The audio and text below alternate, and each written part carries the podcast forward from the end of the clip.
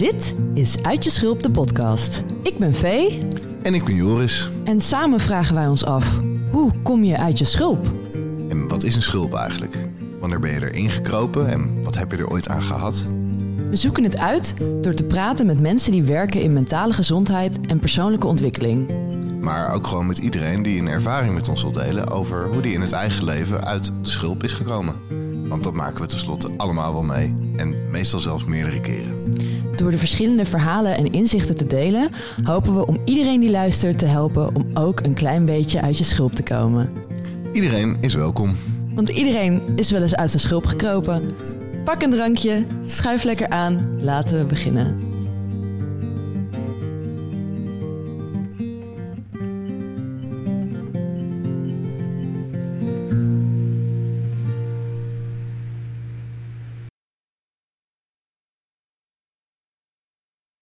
Lief schulpdier.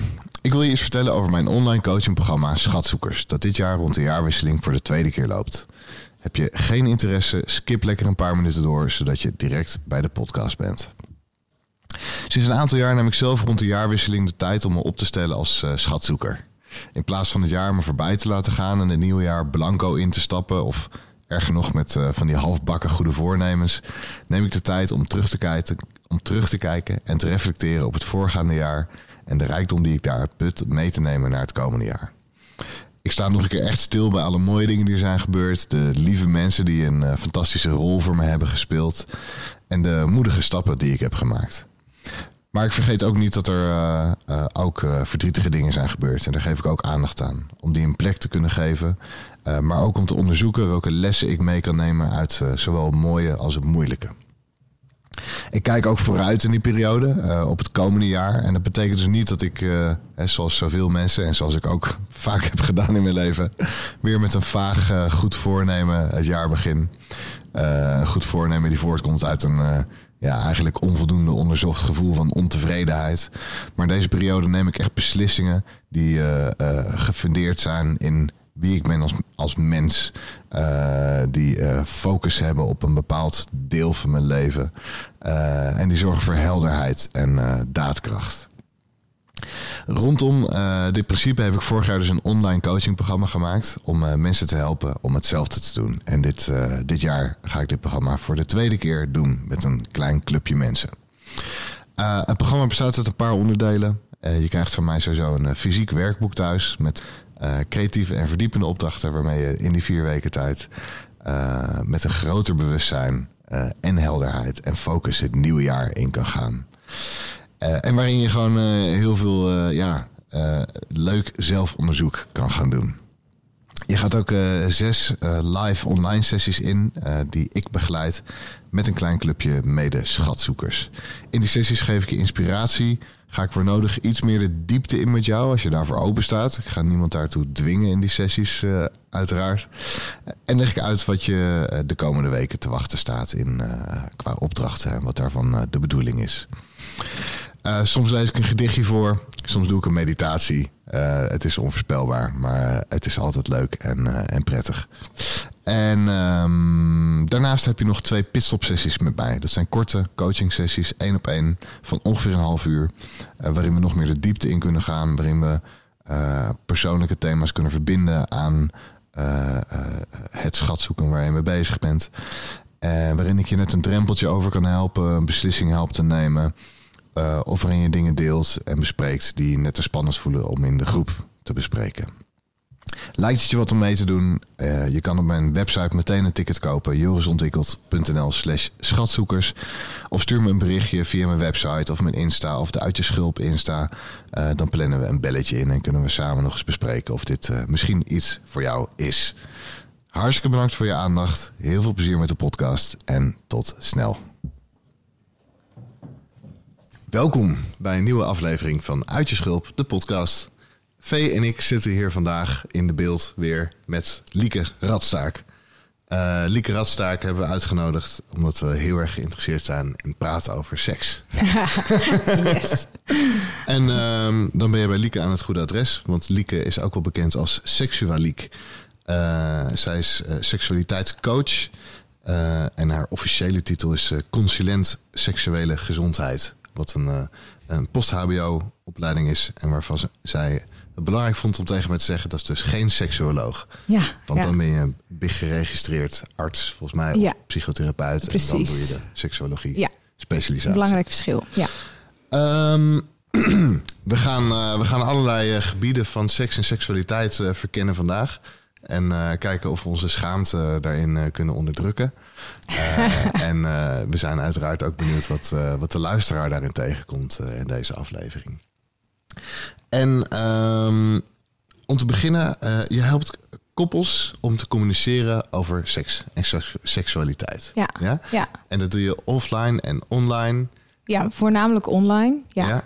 klopt. En kan je eh, als eerste gewoon eens een heel klein inkijkje geven in eh, hoe ziet dat eruit? Wat, wat, wat doe je dan met mensen? Ehm, mensen komen bij mij als ze echt door mij gecoacht willen worden, vaak wel met een, met een bepaalde vraag, met een hulpvraag. Ehm, en heel vaak is dat een, een praktisch probleem binnen hun seksleven. Dus bijvoorbeeld de een heeft wel zin en de ander heeft geen zin. Eh, of ehm, de een neemt altijd initiatief en de ander neemt nooit initiatief en weet niet hoe dat moet of eh, durft dat niet. Dus vaak is het zo'n soort vraag of, of pijnpunt. Eh, en daarin eh, ga ik ze dan natuurlijk coachen om, om daar tools voor te vinden, om dat op een, op een betere manier vorm te geven in hun seksleven, waardoor dat wel gaat werken. En heel vaak komt dat neer op communicatie. Mhm. Dus eh, heel vaak lijkt een probleem daar niks mee, te, niks mee te maken te hebben, omdat het gaat over seks of ook over eh, hoe de seks is, of eh, waar je dan helemaal niet praat tijdens de seks. Maar heel vaak gaat het uiteindelijk toch over communicatie. Mhm. Dus heel vaak help ik ze bij, bij dat stukje eerst. En dan, ja, dan gaat het eigenlijk gelijk op met wat er dan ook in de praktijk gebeurt. Ja. En, en wat staat er vooral in de weg om lekker te kunnen communiceren over eh, seks? Ja, dan komen we eigenlijk wel meteen bij schaamte. Ja. Ja, vaak, vaak is dat het wel ongemak, eh, het gevoel eh, dat het raar is om erover te praten. Dat het, dat het ook zegt dat het fout gaat. Dus dat Ja. als het goed zou gaan, dan zou er geen communicatie nodig moeten zijn. Die, dat idee hebben we vaak nog op het gebied van seks heel erg. Dus we zijn al zo lang bij elkaar. Als we elkaar echt zouden aanvoelen, dan dan hebben we geen woorden nodig. Dus Ja. daar gaat het heel vaak. En dat is wel die schaamte die eronder zit. Dus die overtuiging is eigenlijk ook schaamte. Maar ja. die, die struggle zit er vaak achter. Van ja, Dus die overtuiging maakt van als het dan niet werkt, van dan doe ik iets verkeerd. Of dan ben ik verkeerd. Of dan, zijn wij verkeerd. dan zijn wij verkeerd. Dan horen Ja. we niet bij elkaar. Dan gaat Ja. het niet goed met onze relatie. Ja. dat, ja. dan is blijkbaar ons seksleven in de put eh, geraakt. En, en that's it. Dit, dit blijft het dan, zeg maar. Ja. En eh, dan blijf je daar hangen. Want dan loop je daarin vast. Als je niet de, echt de skills ook hebt allebei om dat beginnetje te maken. Want Ja. dan is het van niets naar een goed gesprek over seks is nogal, is nogal wat. Mhm. Dus dan, dat is dan eigenlijk toch vaak heel eng en doen we het niet. Ja. Voor de zekerheid. Ja. Hey, hier gaan we zeker nog eh, verder op in. Eh, en voordat we dat doen, wil ik gewoon eerst eens even helemaal terug naar een soort van eh, de backstory van jouw seksualiek superheldin Ja. zijn. Ehm, daar weet ik uiteraard wel iets van, maar waar begin jij te vertellen als je uitlegt aan mensen wat de reden is of wat de achtergrond is waarom jij dit bent gaan doen? Dan begin ik wel eh, echt wel een, een tijdje geleden, toen ik een jaar of 17 was, eh, kwam ik erachter dat ik vaginisme had. Ja. Dus dat was voor mij een, nou ja, een struggle eh, die met seks te maken had. Eh, eigenlijk meteen aan het begin van mijn seksuele carrière, zeg maar. Ja, Ja. Kan je heel kort even uitleggen wat vaginisme is? Vaginisme houdt in dat eigenlijk de spieren eh, rondom de bekkenbodem, of van de bekkenbodem, eh, te gespannen zijn of te actief zijn, waardoor penetratie onmogelijk is, eh, of als het mogelijk is, ontzettend pijnlijk is, maar eigenlijk Ja. gewoon onmogelijk is. En zijn die spieren altijd acti- actief of is dat rondom de seksuele daad? Dus in een goede vraag. Ehm, dat verschilt denk ik ook een beetje per persoon. Maar eh, als ik kijk naar, de, naar mezelf, maar ook naar de vrouwen die ik spreek die hier uh, last van hebben, dan zie je vaak dat er veel meer spanning is, ook in het dagelijks leven, dan eigenlijk wenselijk. Dus rondom de bekkenbodem, dat kan betekenen dat je altijd een beetje je bovenbenen aanspant als je op een stoel zit. Of, um, maar bijvoorbeeld ook uh, dat je bepaalde buikspieren niet helemaal uh, uh, zijn werk laat doen, waardoor de bekkenbodem gaat compenseren of je rug gaat compenseren. Dus heel vaak is dat hele gebied is, is een plek waar, ja, waar discomfort is, maar, maar ook gewoon uh, waar het uit balans is vaak. Ja. ja, waar veel spanning wordt vastgehouden op een of andere manier. Ja, ja. En, en waar dat vandaan komt, verschilt natuurlijk ook per persoon. Het kan te maken hebben met seksueel trauma, maar het kan ook te maken hebben met... Uh, ja, ik heb heel lang bijvoorbeeld gedacht bij mezelf, ja, ik, het is pech. Terwijl hoe ouder ik word, hoe meer ik ook wel zie nou, ik weet niet of het helemaal pech is. Ik heb ergens ook wel in mijn leven dingen um, meegemaakt, me aangepast in situaties wat, waar, waarvan ook de bekkenbodem een plek is waar je uh, emoties uh, opslaat die niet, mm -hmm. die niet uh, gezien worden, bijvoorbeeld. Ja. En, dus, kan en wil je daar een voorbeeld van geven? Um, nou, bijvoorbeeld de scheiding van mijn ouders. Ja. Uh, of dingen die ik als jong meisje. Uh, ik ben de jongste, dus mijn, uh, ik ben een best wel nakomertje. Mijn broer is tien jaar ouder en mijn zus is zeven jaar ouder. Ja. en, en ik was dus nog vrij jong toen mijn ouders uit elkaar gingen. En ik denk dat ik heel erg het idee heb gehad van met mij gaat het wel goed, maak je geen zorgen. Eigenlijk omdat iedereen zich zorgen maakte, want ik was nog jong. Ja. Dus dat zijn van die. Ik ben eigenlijk ook altijd een heel, heel braaf kind geweest, heel voorbeeldig meisje, ook op de middelbare school. En nou zeg ik niet dat ik eigenlijk heel rebels ben, maar ik denk wel dat het ergens uh, in mij zit om binnen de lijntjes te kleuren. Of dat heb ik echt ja. heel lang zo gedaan. Uh, omdat ik dacht, dan uh, dan, uh, ben ik, dan word ik door iedereen aardig gevonden. Dan maakt niemand zich zorgen om mij. Dan red ik me in mijn eentje. Uh, en en dat, daar kom ik nu wel steeds meer achter. Dat, dat is wel spanning die ook in je lijf natuurlijk gaat zitten. Um, en in mijn geval in het bekken. Ja. Mm. Het, het is eigenlijk het eerste meteen al wat mij een soort van opvalt hierover is. Dus het, wat je zegt over wat die spieren, zeg maar, de, emotionele kant van die spieren. Dus zeg ja. maar, dus de emoties die niet gezien worden. Ja. En dat aan zich zou je kunnen zeggen dat dat schaamte is, alleen al. Ja. Dat scha schaamte zijn emoties die niet gezien Precies. mogen worden of die niet geaccepteerd mogen worden. Ja, zit wel wat in. Ik denk dat je dat als kind al heel snel kunt voelen ook van ik wil niet te veel zijn of uh, ja. En dat, dat is dat, uh, ik dat. wil het alleen kunnen. Ja, dat is dat, dat geaccepteerd. De andere vorm van acceptatie, zeg maar. Dus als ik dit doe, dan word ik wel geaccepteerd. Ja. En dan kan ik dus ook automatisch die dingen van mezelf. Uh, dan hoeven die dingen niet meer mee te tellen of zo. Ja. ja. Dan, dan doet dat er niet meer toe. Ja. Terwijl uiteindelijk is natuurlijk dat dat geïntegreerd moet worden. Dat die ja, dingen absoluut. erbij moeten. Anders krijg je vaginisme. Ja, precies. Ja, blijkbaar. Ja, ja inderdaad. Ja. ja, ik denk wel dat, dat het uh, meer zo werkt dan ik, dan ik altijd heb gedacht. Dat is echt iets Ja. van het laatste anderhalf, twee jaar... dat ik daar op die manier mee bezig ben. Niet dat ik daarvoor heel erg... uh, alleen maar met mijn verstand over nadacht, maar wel iets nuchterder in. Uh, ja, dat heb ik nou eenmaal. Dat heeft geen oorzaak. Ja. Ook omdat ik toen ik 19 was bij een seksoloog kwam, die ging natuurlijk checken: heb je iets vervelends meegemaakt op seksueel vlak? Nou, dat Ja. was niet zo. Oké, Mhm. dat ja, dan is er niks aan Dus te dat doen. is het kader een beetje zo. Ja, en Ook, ook, ook in, de, in de eerste sessie al van, nou, daar heeft het ook geen zin om daar verder naar te kijken. Dan, Ah. Waarschijnlijk komen we nergens. Dus we gaan gewoon met het nu en de toekomst bezig. Want die oorzaak, ja, daar ga je nooit meer achter komen. Terwijl, en nu denk ik ook, zij was daar waarschijnlijk ook nooit achter gekomen met praten. Want dan kom je daar niet. Eh, terwijl ik bijvoorbeeld eerder merk dat ik als ik yoga doe, dat ik dan alles wat rondom mijn bekken zit, dat dat eh, verreweg het, het meest intensief voor mij is. En soms ook dus emotie oproept. Ja. Mm. Welke dan ook, zeg maar. Dus dat ik dan merk van, hé, hey, dat, is, dat is gelinkt. Ja, het is super interessant dat, dat meteen zo'n... Het is eigenlijk zo'n super rationeel ding van... oh, maar als het in, bij je seksuele organen zit... dan moet het seksueel Ja. trauma zijn. Terwijl alles wat we doen heeft impact. Dus alles, alles wat we meemaken heeft impact. Dus ook dingen die niks met seksualiteit te maken hebben, hebben ook impact op Ja. je seksuele organen. Absoluut. Ja. Ja. ja. dus het, het is wat dat betreft natuurlijk heel snel, ja, toch een beetje kort door de bocht. eh, eh, om er zo eh, rationeel over te denken.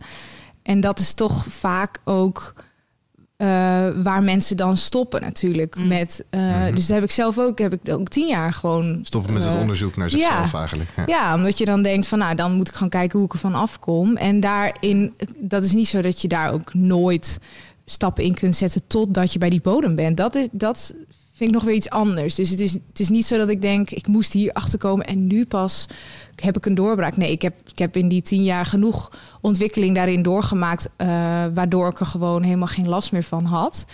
Maar het is wel heel waardevol om erachter te komen. eh, en dan los van het seksuele ding, waarom eh, lukken bepaalde dingen in mijn bekken niet? Of waarom heb ik rugpijn? Mhm. Eh, is dat rugpijn? Of is dat eigenlijk de spanning in mijn bekken, waardoor mijn rug denkt: Oh, ik moet blijkbaar heel veel doen. Dus het zijn wel. Het is juist heel waardevol om er daar dus toch wat meer naar te kijken van waar zit, waar zit hem dat in? Ja, ja, het is echt super bizar hoe dat eigenlijk gewoon allemaal nu voor mij klikt ook van. eh, dit gaat ook over communicatie. Wat jij net zegt over dat eigenlijk het grootste gedeelte van wat jij met mensen doet die bij jou consult komen, Ja, daar gaat ook alles over communicatie. Ja. En hier is het ook dat we eigenlijk niet weten hoe het lichaam met ons communiceert. nee.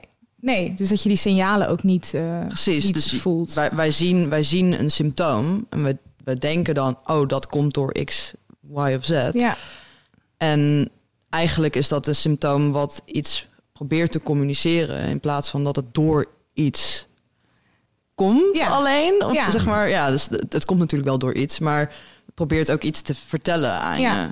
Ja, en dat is denk ik ook een heel belangrijk ding aan va- aan vaginisme, wat ik eindeloos kan blijven herhalen, omdat ik het zo belangrijk vind, is dat heel veel vrouwen de, de klacht wel voelen, Mhm. natuurlijk, ehm, maar toch heel lang door de pijn heen blijven bijten. Ja. Omdat ze denken, het moet opgerekt worden. Nou, laat ik meteen zeggen dat dat niet zo is. Dus dat Mm. werkt niet zo. Ja. Ehm, maar ook omdat ze denken, ja, dit zou ik toch moeten kunnen. Mijn lijf zou dit toch. Ehm, iedereen heeft seks, behalve ik. Ja. En dat is ook het taboe natuurlijk wat erop zit. Eh, maar waardoor je dus heel lang door die pijn heen bijt. Terwijl die pijn, waar dan ook in je lichaam, is natuurlijk gewoon een heel duidelijk teken van stop. Je, Ja. je, er gebeurt iets wat ik niet wil. Dit is een, een duidelijk signaal. Er moet iets anders. Mhm. En ik denk dat heel veel eh, vrouwen, ook doordat ze niet weten dat vaginisme een heel veel voorkomend ding is, of wat het precies is, eh, dat ze heel lang dus door kunnen lopen met die pijn, waardoor het alleen maar erger wordt. Ook Mhm. vrouwen worden een klein beetje aangepraat dat zeg maar, pijn heel normaal is Ja. voor ons als Ook vrouw. bij de eerste keer, als je Ja, de eerste keer seks In het hebt. algemeen, oh, Ja. je krijgt je menstruatie, dat doet pijn. Oh, je gaat seks hebben voor de eerste keer, dat doet pijn. Dat is normaal. Het Dat is normaal, normaal. dat je pijn hebt. Dat is helemaal niet normaal, Nee, maar nee. dat wordt ons wel zeg maar, van alle kanten aangepraat. Ja, je raakt wel echt gewend aan het, aan het idee dat dat er een beetje bij Zeg hoort. maar dat als vrouw dat het gewoon normaal is dat je pijn hebt Ja. bij dingen. Ja, terwijl het zoveel negatieve gevolgen heeft als je dus die pijn niet, eh, Niet behandeld. niet behandelt of niet de ruimte geeft eh, Mhm. om, om een verandering aan Ja. te brengen. Ja. En je zegt toch veel vrouwen hebben dit? Hoe, hoeveel vrouwen hebben dit? Eh, naar schatting ongeveer eh 1 op de 10. Oh, wauw. Ja, en dan verschilt het wel tussen vaginis, vaginisme of vaginistische klachten. Dus Ja. dat ze wel bijvoorbeeld soms penetratieseks kunnen hebben, maar soms ook weer hele periode niet. Eh, maar naar, ja, naar schatting ongeveer 1 op de 10. Dus dat is echt wel veel. Ja, Ja. zeker. Ja. Hey, en en ehm, je ging in behandeling Ja, bij een seksuoloog die het op een bepaalde manier deed. ja.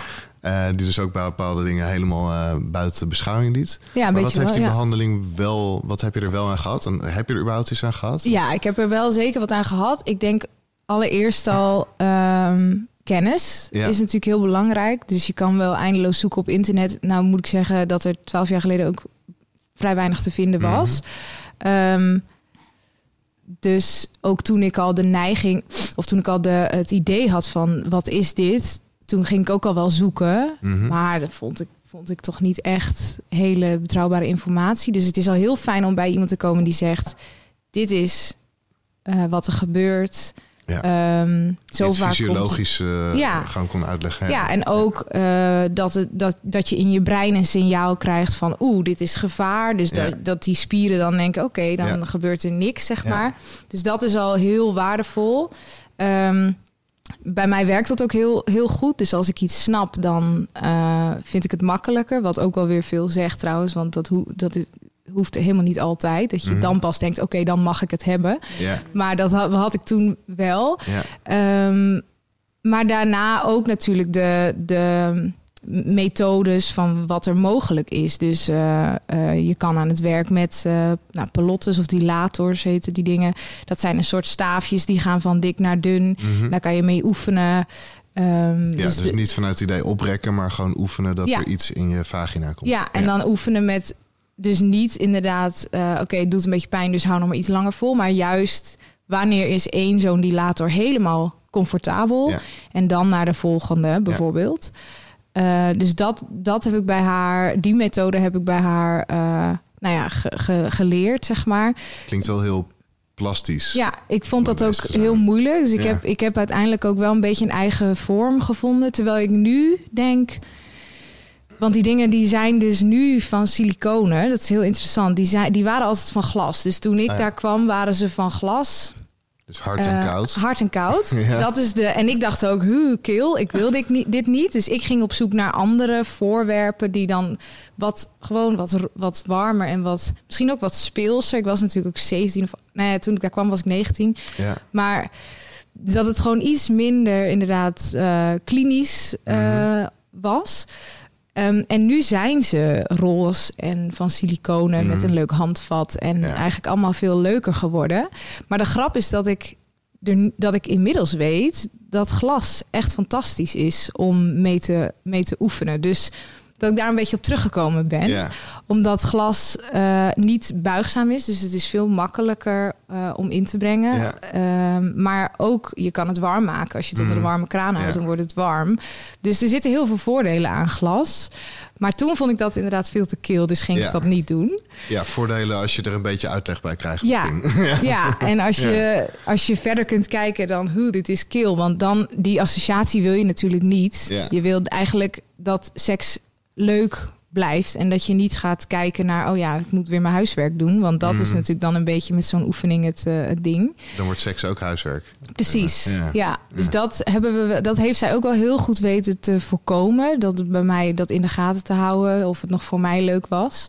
En daarnaast ook gewoon heel veel gesprekken over, ehm, nou ja, over onder andere de schaamte of, Mhm. ehm, of de angst die eronder zat. eh, wat ik vond van seks. Dus ze heeft wel heel veel. ehm, ik heb in die tijd wel heel veel geleerd over hoe ik, hoe ik ook kijk naar seks. Dus daar is ook de interesse wel een beetje ontstaan Mhm. eh, voor het onderwerp. Ja. Ja. ja. En hoe ontstond dat? Hoe, hoe, hoe kreeg het vorm in je leven? Zeg maar? Ik kan me voorstellen als je 17 bent en je hebt vaginisme en je had een eerste vriendje volgens mij. En Ja. dan, als ik aan mezelf denk, aan mijn 17e, sowieso had ik toen nog geen seks, maar ehm, het lijkt me onmogelijk om er dan over te praten. Hoe, hoe, Ja. ja. Nou, dat ging mij dus eigenlijk vanaf het begin al best wel goed af. Als ik erop terugkijk, vind ik dat ook best wel interessant. Want ik heb het er laatst met mijn moeder over gehad. En die zei ook van ja, het was dat jij zo nieuwsgierig was als kind naar seks. Dus, Mhm. Of als kind, maar als, als jonge tiener. Ja. En ik heb dus een oude broer en zus. Dus zij zei ook, ik, ik had het al opgegeven, die seksuele eh, opvoeding. Omdat het bij jouw broer en zus gewoon totaal niet werkte. Die liepen echt zo, la la la, nee, nee, nee, stop, stop met praten, zo dat. ja. En toen kwam ik en ik kreeg dus geen voorlichting thuis. Want eh, mijn moeder dacht, dit wil ze niet. Dus ze gaat naar boven lopen. En ik ging zelf vragen stellen. Dus die interesse was er al best wel vroeg. En nou, toen kwam ik er dus later achter dat ik vaginisme had. En denk dat daardoor die drempel ook al wat lager was. Dat ik gewoon meteen naar mijn moeder liep. Dus ik kwam meteen de volgende ochtend. Ik weet nog dat ik bij het ontbijt kwam. Dat ik zei, nou dat sloeg echt helemaal nergens op. En dat ze zei, hoe bedoel je? Ja, ik, ja het was gewoon onmogelijk. Gewoon als een deur. Het voelde gewoon als een dichte deur. Mm. En dat zij zei, ja, maar dat hoort er een beetje bij in het Mm. begin. En probeer het nou de volgende keer gewoon nog maar eens. En eh, weet je wel, jullie, jullie doen voorzichtig en, en je bent hartstikke verliefd. Dus dat Mm. komt echt wel goed. Ja. Mm. Maar eigenlijk wist ik vanaf dat moment, nee, dit is niet, Ja. Dit niet is normaal. niet normaal. Zo Ja. hoort het niet te zijn. Want ik had ook wel in mijn klas al meisjes die al veel langer eh, eh, seks hadden. En, Ja. en die dan wel, en ook wel stoer deden over de pijn. Dat is ook wel interessant, weet je wel. Dat je dat dan onderling eh, hoorde van, wow, het was echt zoveel pijn. Maar nu is het echt fantastisch. En dat ik denk, ach, wat sneu. Want dat, je weet natuurlijk dat dat niet zo was. Ja. Maar daardoor had ik misschien ook wel het idee van dit gaat heel veel pijn doen, waardoor je nog meer aanspant. Ja, ja, ja. Dus ja, ik, ik vond die, die interesse die, die was er eigenlijk al en, en die had, moest ik nu ook gebruiken. Dus ik ging ook meteen onderzoeken, eh, dingen googlen dus, maar ook dus bij mijn zus en bij mijn moeder erover praten.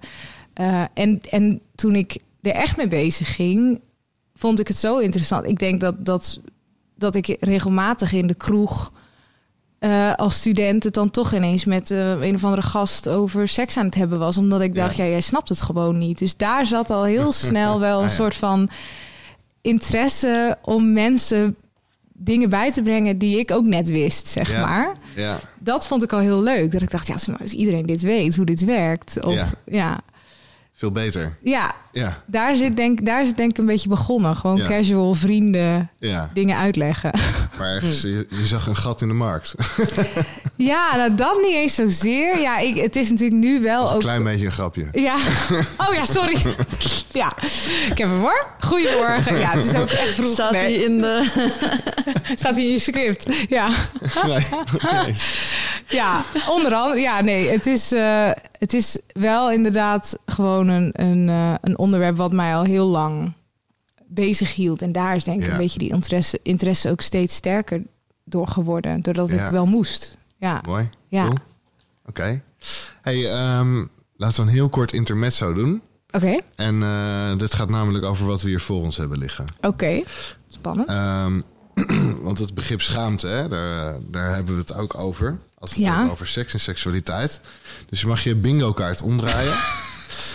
en we hebben allemaal een, Oh. eh, een eh, seksuele schaamwoorden bingo Ja. voor ons liggen. ja, oh. En, eh, Woorden die Lieke, ik wil jou, zijn voor ik mensen wil jou om vragen om als eerste hier vijf woorden uit het bakje te pakken en ze even voor te lezen. En dan mag je ze dus eh, afstrepen op je bingo kaart. Vea mag dat ook doen. Oké, dus ik moet En de eerste, eerste- vijf pakken? Die, ik moet er vijf pakken? die een horizontale of verticale rij heeft, die heeft gewonnen. Oké. Moet ik ze ook voorlezen? Ja, je moet ze even Nou, voorlezen. dan begin ik met mijn favoriet. Ja, Clitoris. oké. Dus Clitoris. niet clitoris, maar Clitoris. clitoris. Oké, die mogen we allemaal afstrepen.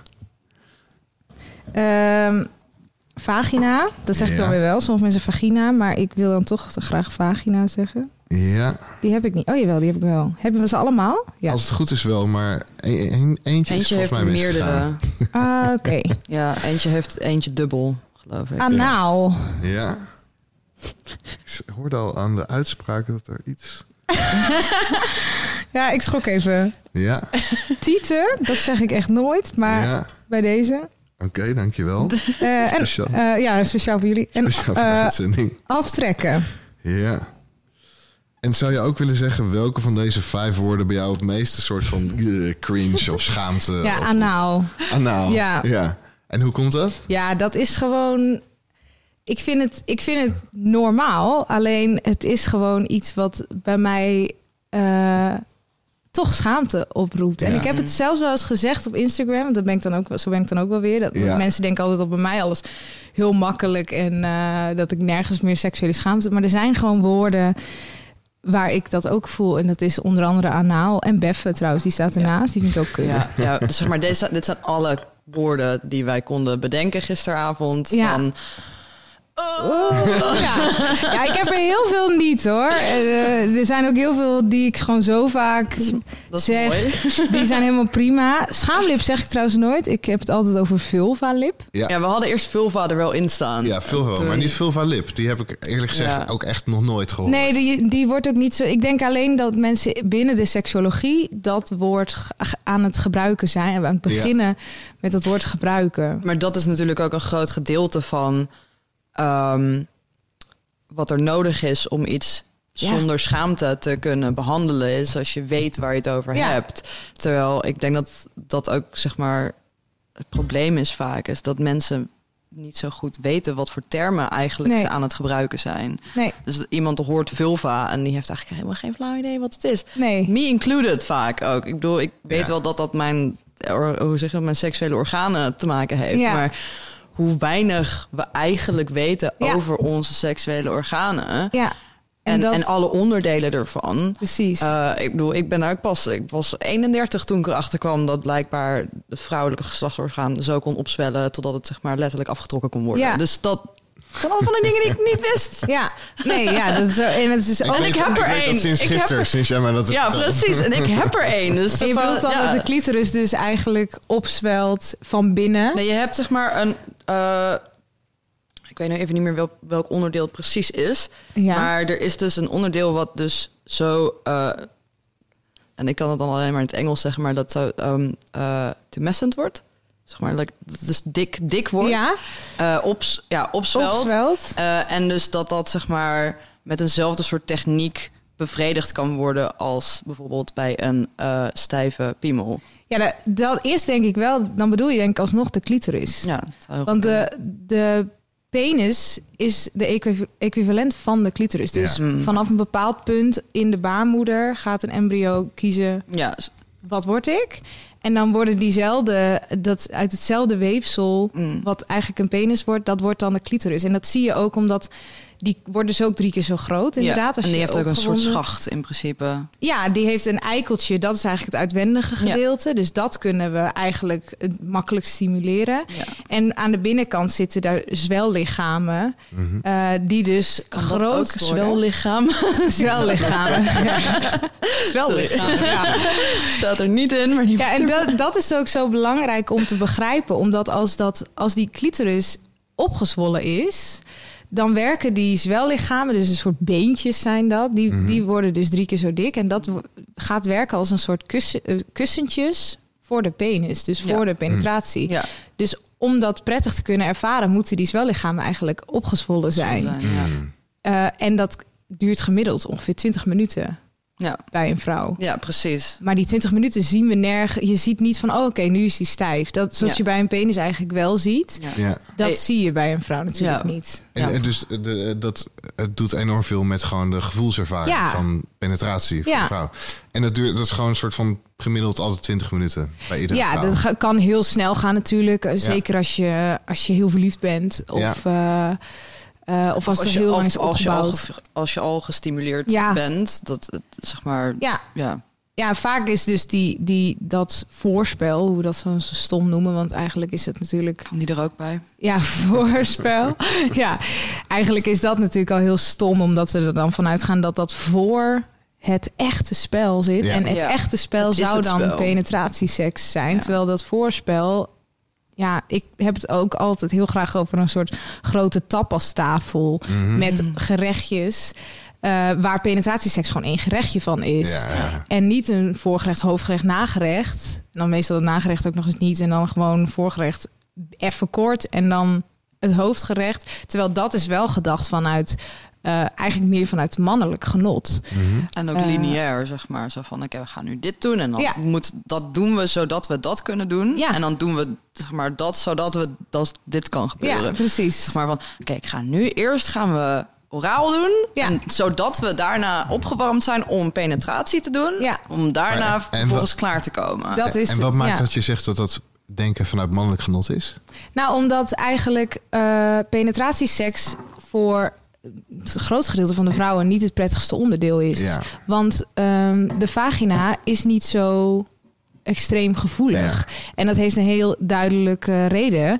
Eh, dat is namelijk dat er baby's uit moeten kunnen komen. Dus als er evenveel zenuwuiteinden in de vagina zouden zitten... dan zouden wij dat nooit kunnen als Ja, vrouw. Dus daar die, de opening van de vagina, de vagina, eh, de, zeg maar de, de, de, wat je aan de buitenkant nog Mhm. kunt zien of bereiken, daar zitten nog wel redelijk wat eh zenuwuiteinden. Maar eigenlijk het inwendige gedeelte, Mhm. daar zitten er heel weinig. Dus als je tijdens penetratieseks ehm, genot ervaart, dan komt dat alsnog door die clitoris, die dus aan de binnenkant heel groot is geworden. En die dus van binnenuit gestimuleerd wordt. Maar er zitten dan wel superveel spierlagen, huidlagen, Mhm. weefsel, van alles tussen. Mhm. Waardoor dat vaak veel minder intens is. Het is een beetje alsof je gemasseerd wordt met vijf eh, gebreide truien aan. Ja, ja. Eh, in plaats van gewoon met olie Lekker op de eh, huid, lekker op de huid. Mhm. Dus daarom ervaren heel veel vrouwen ook penetratieseks ja, wel als prettig of prima. Mhm. Maar eh, is het heel vaak niet hetgene waar ze een orgasme van krijgen. Ja, Of niet hetgene wat ze een half uur willen doen. ja. Ja. Ja. Ehm, en voor een man is, is penetratieseks eigenlijk het, het ultieme. eh, want dan wordt precies alles gestimuleerd wat, Mhm. wat prettig is. Ja. En het is natuurlijk ook eh, ehm, hetgene wat we doen eh, om, eh, om zwanger te raken. Dus het, is, het heeft ook een heel ander nut. Mhm. Ehm, maar in heel veel gevallen doen we het gewoon voor de lol. En dan is het toch heel erg gedacht vanuit mannelijk genot. Mhm. Ja, ik snap hem. Ja. Ja, mooi. Goed om te weten. Ja, Ja. ja. Even eh, wat... eh, Ah ja. Ja, pak jij er eens vijf, Vee. Ja, we gaan even, eens even kijken. 1, 2, 3, 4, 5. Oh. Oh. Nou, kom op. Zo. Piemel. Oké. Oké. eh beffen. Yes. Gleufje. Gleufje. Jezus, wie heeft dat bedacht? Ja, die Ja, wij. ik bedacht. Die heb ik bedacht. Die komt zeker van mij. eh, opwinding. Die, oh ja, die heb ik wel. En pijpen. Eens even kijken. Piemel. Jongens, ik heb alleen nog een sperma nodig. Ik alleen nog een pik. Wacht even. Ja, je zou Ik het moet niet zeggen, mijn, maar eh, het is wel zo. Oh, opwinding. Is het ook als je, als je, als je verticaal... Kan je ook verticaal een Ja, bingo je kan ook hebben? verticaal. Oké. Oh, dan heb ik ook nog, oh, dan heb ik ook nog schaamlip nodig. Oké. Oké, ik heb twee, twee kansen op succes.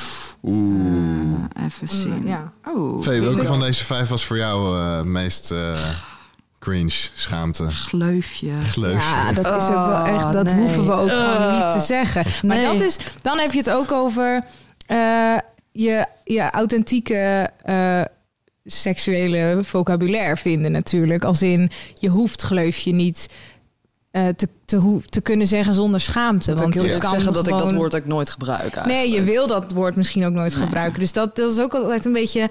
Als mensen dan zeggen, ja, met dirty talk bijvoorbeeld... dan voel ik zoveel schaamte om die, om die porno-woorden uit te spreken. Ja. Terwijl dat hoeft niet. Dat is niet per se... Ja, dirty talk klinkt altijd een beetje stom, want... Dan heb je al het idee van het moet heel viezig zijn, zeg Ja. maar, want dirty.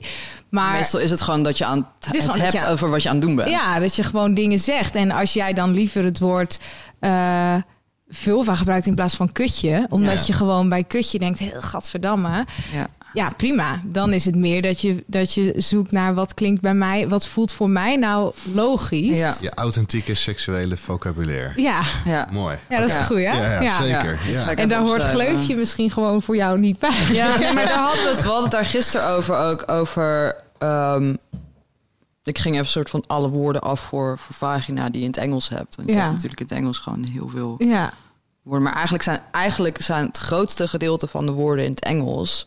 zijn allemaal tevens scheldwoorden. ja, Dus twat, kant, ja, eh, pussy wordt dan wel gebruikt... maar dat is dan meteen een soort van hyperseksueel. ja. En dan heb je fanny, Oh ja. wat dan meteen weer heel juvenile is. En Oh, Nilly. dat is dus ook een soort van... Oh, die ken ik niet. Ja, zeg maar, je hebt Willy en Nilly. Ah, ja. Oh ja, dat heb je in Nederlands, eh, hoorde ik dat laatst ook. Toen had ik het met iemand over eh, hoe ga je je dochter, eh, welk woord ga je gebruiken voor, voor het geslachtsorgaan van Mm. je dochter. Ja.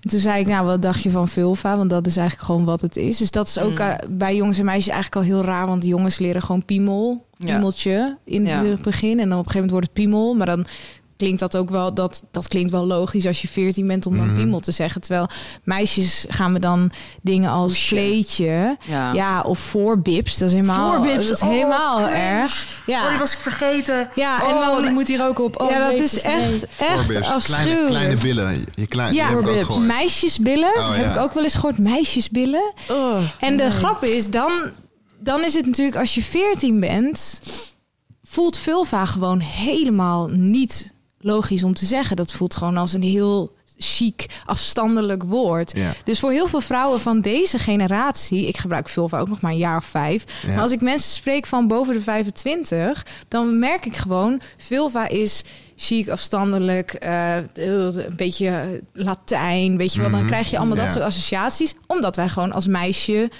eh, in ieder geval, als we het al iets, iets logisch hebben geleerd, dan is het vagina. Mhm. En meestal leren we dus plassertje of voorbips of Ja. eh, ja, en, en ik hoorde dus toen, dat, dat, daardoor kwam ik hierop, van iemand die zei... ja, ik twijfel nog een beetje tussen vulva of mimel. Mimel. En dat is dus meisjespiemel. Oh, wiemel? Miemel. N- Mimel. Mimel. Niet wiemel. Miemel. Maar niet wiemel. Waarom niet wiemel? Waarom wiemel? Waarom mimel? Ja, meisjes. Ja, oké, ja, sorry. Ja, mijn hoofd gaat dan meteen naar wij- voor Nee, women. Ja. Ah, ja, ik dacht wijvenpiemel, is ook leuk. Wijvenpiemel. Ah, mimel. Ja, oké. En toen dacht ik, ja, het is wel schattig. Ja. Alleen, het is gewoon niks. Dus maar je leert eh, je wat kind niet is, gewoon... kan nog komen. Ja, maar waarom zouden we zoeken naar een term die schattig is? Als Ja, we gewoon vulva kunnen leren. Ja, nee, nee, ik ben het helemaal mee eens. Maar zeg maar, net zoals dat er een bepaalde neutraliteit rondom het woord piemel zit. In plaats van dus dat inderdaad Ja, dat. jongens zeggen geen penis. Want wat dat, Nee. zeg maar, dat is de equivalent van vulva in principe. Ja. Maar inderdaad, zeg maar, Ja, meer van vagina, denk ik. vagina. Ja. Vagina, Nee. penis. Nee, va- Huh? eigenlijk is vagina eh, is een onderdeel van de vulva. Dus als we het hebben over de vulva, dan hebben we het over de vagina, Ja, de vulva-lippen, dus de schaamlippen, de clitoris, de urinebuis. ja, Dat hele gebied. Ja. Dus dat uitwendige gedeelte van Mhm. je geslachtsorgaan. Als we het hebben over de vagina, gaat het over de plek waar een tampon naar binnen gaat. Ja, of een penis Ja. of piemel. Maar het woord vulva is gewoon niet zo bekend. Dus Nee. ik, Ja. voor mij voelt het equivalent van, van penis als vagina. Ja, dus de chique Omdat dat in de vorm. volksmond het meest Ja. gebruikt is gewoon. Terwijl dus vagina, piemel klopt en penis ja. is echt hetzelfde. Ja, En vagina en vulva is echt iets anders. Dus daarom zouden we gewoon vulva moeten gebruiken. ja. Omdat we dan ook datgene bedoelen wat we bedoelen. Tenzij je Het zegt... hele geslachtsorgaan geslacht Ja. in Ja. plaats van alleen maar één onderdeel ervan. Precies. Ja. Tenzij je dus iets zegt als... eh, ik, eh, ik heb pijn als ik mijn eh, tampon... eh, Inbreng. mijn vagina inbreng. Dan bedoel je echt vagina. ja. Maar als je het hebt over eh, schimmel en je moet naar de huisarts... dan heb je het echt over je vulva. ja. Mm. ja. Omdat het... Ja, de- ja. Vulva. Lieve mensen, ik ga er ook vijf doen. 1, 2, 3, 4, 5. Kijk, het zijn er vijf. Nice. Ik heb hier een kut. Oké. Ja. Even afstrepen. Ik heb sperma. Oh, hier. Daarmee Ja. Daarmee win jij. heb ik bingo. Ja. Maar we gaan deze ronde Ik gewoon moet door. nog twee. Ik moet nog... ik- Ik heb een tepel. Ah. Ik heb vingeren. Dat was ook een lieveling zeg gisteravond. Ja. En ik heb een pik. Ja, Ah, kom op! toch nog. Wauw. Nou, wel een spannend potje. Ik kom er steeds net bij drie... Bij drie... Ja. Ja. steeds net eentje tekort. Ah, oké. Ja. Nou, Ik vind, eh, eh, er, zit, er zaten eh, sperma en vingeren. mm. Allebei. Sperma ook, ja? Ja. Waarom? Ook een, eh, omdat het van mij is en in gesprek over seks het over sperma hebben, dan voelt het alsof ik een soort van. Voel je aangevallen? Nee, nee, nee, nee, niet aangevallen. Nee, gewoon, eh, gewoon gêne. Gewoon Oh, echt, echt? soort van, ja, echt ja. gêne. En ehm eh, ja, het, ik, ik weet niet of ik het. Ik, ik, het woord gebruik ik ook gewoon echt niet, denk ik. Nee, precies. Nee. Ja, is er een ander woord wat dan werkt voor jou? Want, want waar heb je het dan Ehm, over? Nou, Ja, je hebt het er misschien niet over, maar is er een woord waarvan je wel denkt van, ja, dit vind ik dan wel een logischer of prima woord om uit te spreken? Nee, niet, niet heel Nee. erg. Nee, precies. Nee, Nee. nee, niet echt. is ook wel dus het meest- moeten gewoon, eh, dus gewoon door de chaîne heen Ja, blijven. precies. en vingeren is ook, heb je het dan, Vingeren vind ik gewoon heel lelijk klinken. ja, En, en heel... eh, klinkt heel lomp. ja. Ja. Vingeren. Oh, Klinkt gewoon Ja. heel lomp. nee, gewoon ook nee. echt lelijk, ja.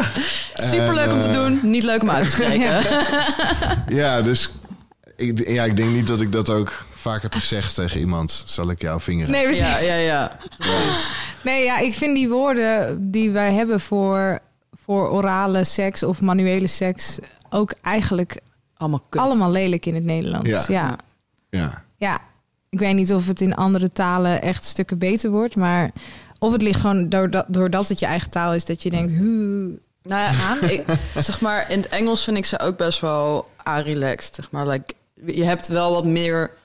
Maar je hebt de blowjob natuurlijk, Ja. maar je hebt ook giving head. Wat Ja. voor allebei de dingen... die dan Dat vind ja. ik, dat, dat zeg maar, voor mij is dat iets meer richting neutraal. Maar wat ook gewoon, zeg maar, wat ook gebeurt is dat je bijvoorbeeld gewoon zegt van, zal ik je in je mond, zal ik je in mijn mond nemen? Ja, zeg maar. precies. En dat gaat, dat rolt iets makkelijker van de tong af in het Engels, heb ik vaak het gevoel, Ja. dan dat het in het Nederlands gebeurt. Gewoon Ja. omdat dat niet, zeg maar, zo, nee, zeg, Zeg je pijpen? niet- Ja, ja, ja. Dat gaat ook niet echt lekker, maar ja, het is, ja.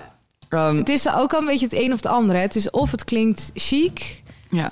eh, of het klinkt meteen ordinair. Er is Ja. in, met heel Ja. veel woorden niet echt een tussenweg of zo. Er is niet Ja, en dat is wel oprecht echt jammer. Want het Ja. maakt... Het zorgt echt vaak voor een soort van gekke break. Dat je al, dat je al moet gaan nadenken van hoe ga ik dit verwoorden. Ja. Ja, als je er dus al over communiceert, hoe dan? Ja, Ja. En, en als je al gaat nadenken, je- als- stel je bent al bezig, je bent al eh, aan het opwarmen, wat dan ook. Eh, en dan moet je zo'n eh, verzoek gaan indienen. Ja. Of, eh, eh, of consent vragen voor iets. Maar dan komt er zo'n lelijk woord en dan moet ik nadenken Ja. over hoe verwoord. Dus dat is best wel, Ja. eh, Ja. is best wel jammer. Ja. Ehm, ja, eh, dus het authentieke seksuele vocabulaire. Ja. Eh, de moeite waard om het gewoon met je partner over te hebben. Van wat zijn eigenlijk de woorden die we gewoon Die we eh, gebruiken. die we gebruiken, die we fijn vinden Ja. om, eh, om te horen en om te zeggen. En ehm, daarmee ga ik weer terug naar, ook naar de lijn waar we in zaten. Want eh, Mhm. die, dat probeer ik altijd een beetje in de gaten te houden. Eh, in hoeverre eh, gaat vagin- vaginisme over? Is het te helen? In hoeverre is dat bij jou gelukt? Eh, het is zeker te helen. ja, Ehm, het verschilt dus wel echt per persoon hoe dank je. en eh, hoeveel tijd dat kost. Ja, Eh, ook hoe vroeg je erbij bent, bijvoorbeeld. Als je pas na 17 jaar, ja, dan kan je je voorstellen dat het veel meer vastzit dan wanneer je na twee jaar meteen naar de huisarts gaat, zeg maar. Ehm, en wacht even hoor, want nu zie ik een kind van twee voor me. nee, sorry, Ja. na twee jaar nadat je denkt van hé, hey, er lukt iets niet. Ah, oké, ja. Dus stel dat je, eh, nou ja, in mijn geval op mijn 17e kwam ik achter. Op mijn 19e had ik mijn eerste afspraak bij Ja. de seksuoloog. Dat is een heel ander ding dan wanneer ik pas op mijn 35e Ja, ga precies. denken. Wacht even, ik moet hier toch iets mee. Dus dat heeft natuurlijk heel veel invloed. Ehm, eh, het, het verschilt dus ook een beetje wat de oorzaak is. Dus stel dat de oorzaak wel seksueel misbruik is, dan eh, is het natuurlijk belangrijk dat dat ook verwerkt Mhm. wordt. En eh, eh, dat je vanuit daar gaat kijken naar, naar vaginisme. Mhm. Dus het verschilt echt per persoon, maar het is wel, het is absoluut te helen. Want het, eigenlijk is er anatomisch niks mis. Dus. Ehm, wanneer je vaginisme hebt, is het niet zo dat je te nauw bent. Dan is dat echt iets anders en dan moet je daaraan geopereerd worden. Maar dat Mhm. komt echt bijna nooit voor. Ja. Dus het is echt spierspanning die eh, onbewust eh, aangaat eigenlijk als er dus eh, de kans is op penetratie. Dus dat je kan dat ook weer deconditioneren. Zoals je dat hebt aangeleerd, kan je dat ook weer afleren. Dus het, kan, je- ja, het is absoluut te hele, maar ik durf niet te zeggen dat dat bij iedereen altijd kan. Omdat er ook gewoon mensen zijn die hier echt heel lang mee rondlopen en niet, niet dat punt vinden waarvan ze denken: ah, dit moet ik. Dit, deze hulp heb ik nodig of dit moet ik doen. Ja. En daar komt ook wel steeds, er is steeds meer onderzoek naar. Er zijn ook steeds meer coaches die echt alleen daarop eh, helpen, zeg Mhm. maar. Dus er gebeurt nog steeds heel veel gelukkig om steeds meer vrouwen te helpen. Ja, Maar het is op te lossen. ja, En in mijn geval eh, ook. Alleen bij mij fluctueert het een beetje. Dus ik heb Mhm. ook soms heel lang geen zin om ermee bezig te zijn. ja. En dan is penetratie gewoon geen onderdeel Ja. van mijn seksleven. En dat vinden we dan allebei prima. En dan soms wel. En dan denken we allebei, oh, nou, het verbaast me hoe goed het gaat. Maar soms Ja. is het ook als ik bijvoorbeeld heel gestrest ben, dan weet ik ook, ja, het gaat gewoon niet handig zijn nu. En dan, ja. eh, dus ik ben er niet zoveel mee bezig, ook niet in Mhm. mijn hoofd. Waardoor ik, als mensen vragen hoe gaat het nu, dan moet, heb ik soms echt dat ik denk, ja, eh, dat weet ik eigenlijk even niet, want het is Mhm. alweer een tijdje geleden. Ehm, maar het, eh, het is mogelijk pijnloos. Alleen niet, het is nooit een zorgeloos ding eh, waarvan ik denk, oh, dat kan gewoon. Want ik Ja. moet daar altijd, dat heeft echt wel tijd nodig. Ik moet dat heel voorzichtig aanpakken. Dat Ja. ik goed ook in de gaten hou van waar is het nu nog fijn? Of Mhm. is het neutraal geworden en hou Ja. ik het vol omdat het nu lukt, zeg maar. Dus daar, ik weet dat ik niet meer door de pijn heen bijt, maar er is ook nog een soort grijs gebied van eh, dat, dat je eigenlijk denkt van ja, maar nu gaat het goed. Het is niet meer super fijn, maar da, dat moet ik altijd heel goed in de gaten houden. Dat ik Mhm. op tijd denk, ja, nu tot hier was het leuk en nu is het even weer klaar en dan ook weer gewoon door. Want anders dan ehm, stop je toch net te laat, zeg maar. Ja. Dus Ja. het is gewoon goed in de gaten houden wat er gebeurt in mijn lijf. Ja, goed aanvoelen. Ja. Ik moet denken aan onze gast eh, Hilde Bolt, die wij een tijd geleden hebben gehad. Mm. Die heel erg eh, lichaamsgericht werkt en ook eh, geïnspireerd is door mensen als Gabor Maté. En heeft gewerkt met eh, Maori-stammen en Ah, oké. allerlei eh, mensen die veel meer links zien met eh, trauma in het leven. Ja, trauma met de grote T en trauma met de kleine T. Zeg ja, maar. Eh, ja, ja. eh, en wat dat vast kan zetten in je lichaam. Zeg maar. Ja. Ik vind dat. Hoe, wat je zei net al, hè, sinds een jaar of anderhalf of twee of zo, is dat, dat denken ook meer een rol geworden voor mij. Ja. Of is een rol gaan spelen. Eh, Absoluut. wat doet dat nog voor jou? Ehm, dat, ik dat, dat ik daar nu mee bezig ben, Ja. bedoel je?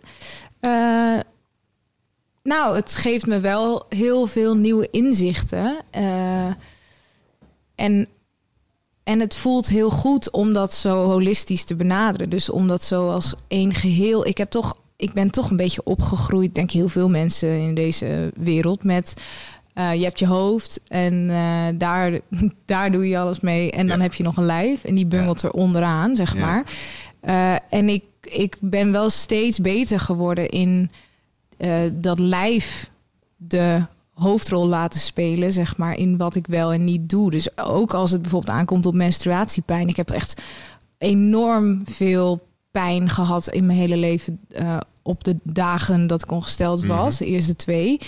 En eh, zelfs zo erg dat ik daar op een gegeven moment dan maar voor aan de pil ging. Terwijl dat Ah, was voor anticonceptie helemaal niet nodig. Ja. Maar dat een huisarts gewoon zei: ja, je hebt het gewoon nodig als medicatie. Slik het maar gewoon. heb ik zeven jaar gedaan. Ja. En dan was het onder controle. Terwijl daarvoor vlie- viel ik echt bijna flauw van de pijn soms.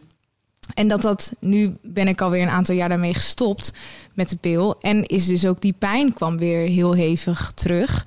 Tot op het punt dat ik dacht, maar wat zegt die pijn dan? Mm, wat ga, luister ik eigenlijk wel naar die pijn? Ga ik eigenlijk rustig aandoen? Eh, deel ik mijn dag daarop in? Ren ik, fiets ik zachter? Nee, ik fiets keihard naar mijn Ja, werk. ja. Ook als ik menstruatiepijn heb. Ja. En dan verbaasd zijn dat ik elke maand twee dagen medicatie, pijnstiller nodig, eh, stillers nodig heb om op mijn benen te blijven staan. Dus ik vind het heel fijn dat ik nu wat meer.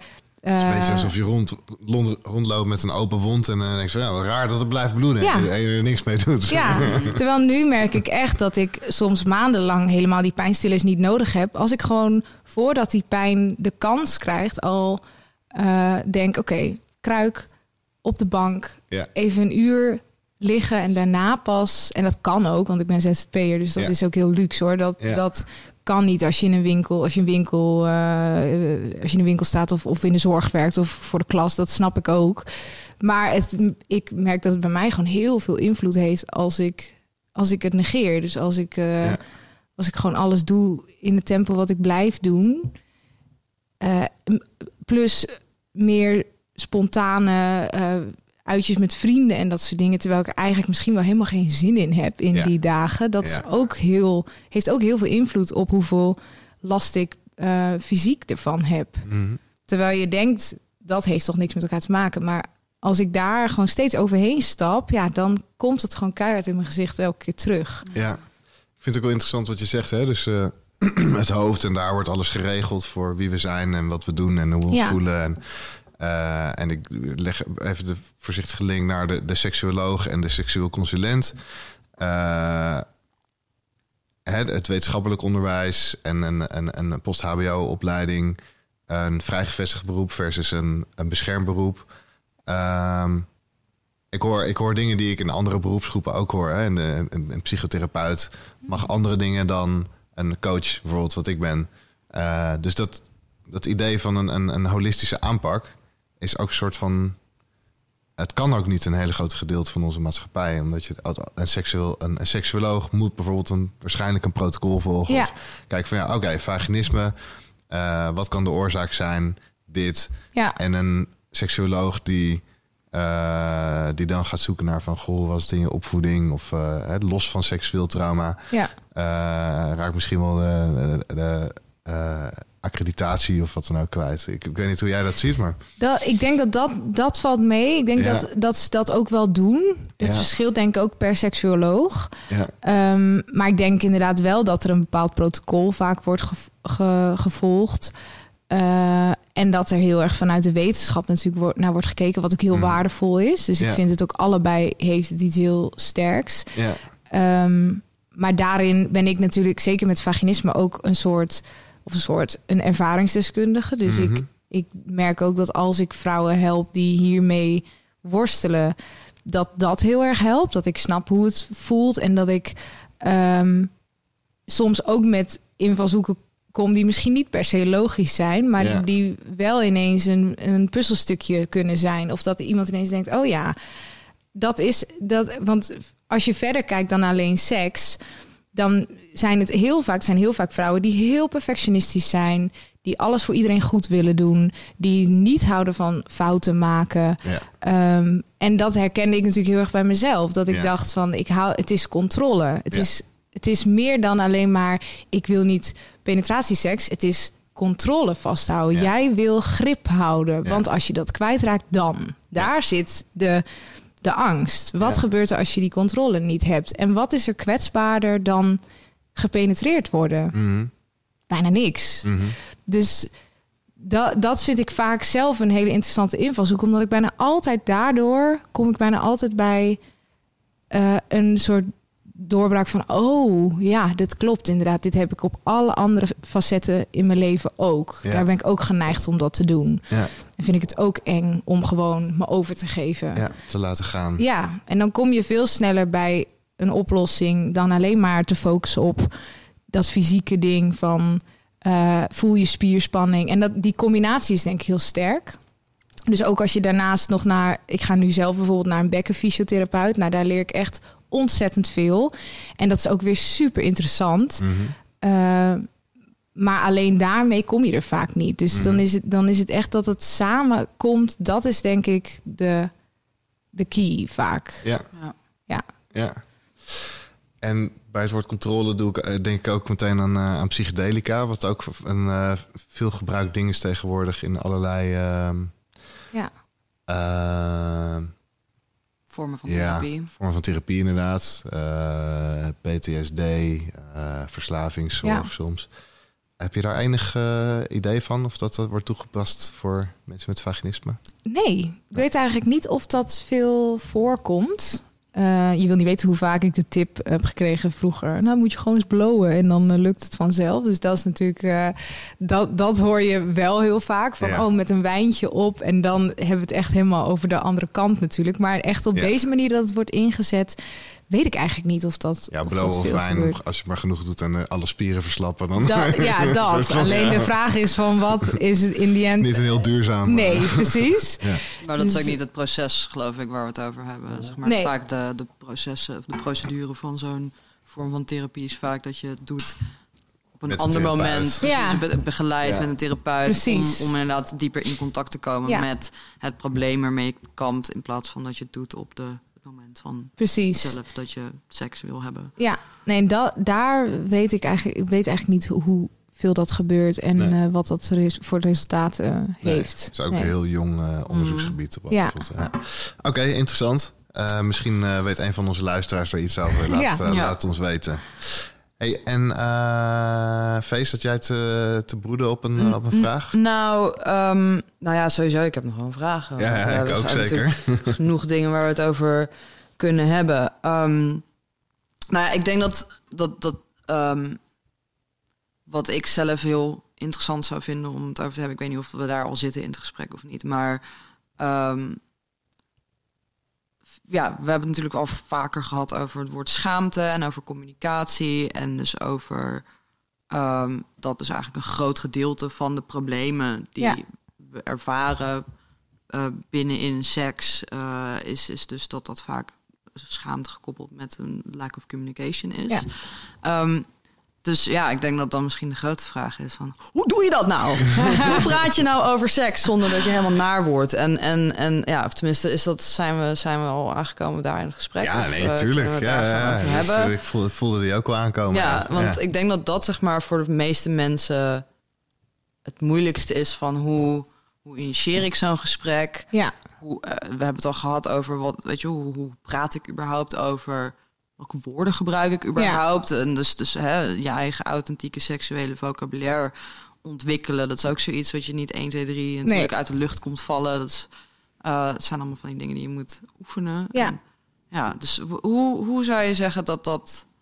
Ja, jij, jij begon al vrij vroeg over, over seks Ja. te praten. Dus voor jou was het eigenlijk best wel gebruikelijk. ja. Eh, het was iets wat je met gemak kon doen. Niet Ja, met gemak, niet maar altijd, Niet maar- met superveel ongemak, laat ik het zo zeggen. Ja, ja, ik denk dat het iets eh bovengemiddeld eh, makkelijk ging, omdat ik er meer mee bezig was. Eh, maar ook in de ene relatie een stuk makkelijker ging dan in de andere relatie. Omdat je natuurlijk altijd met een andere partner ook te maken hebt die. als je de schaamte van de ander voelt, dan ga je die overnemen. Mm, mhm. Dus ja, het heeft ook wel. dat wou ik ook vragen. Van hoe ga je, ja, hoe ga je ermee om als dus je partner? ja, Zeg maar, dat kan natuurlijk ook zo zijn dat jij het heel makkelijk vindt om over bepaalde dingen te praten. Maar als Precies. je partner dat moeilijk vindt. ja.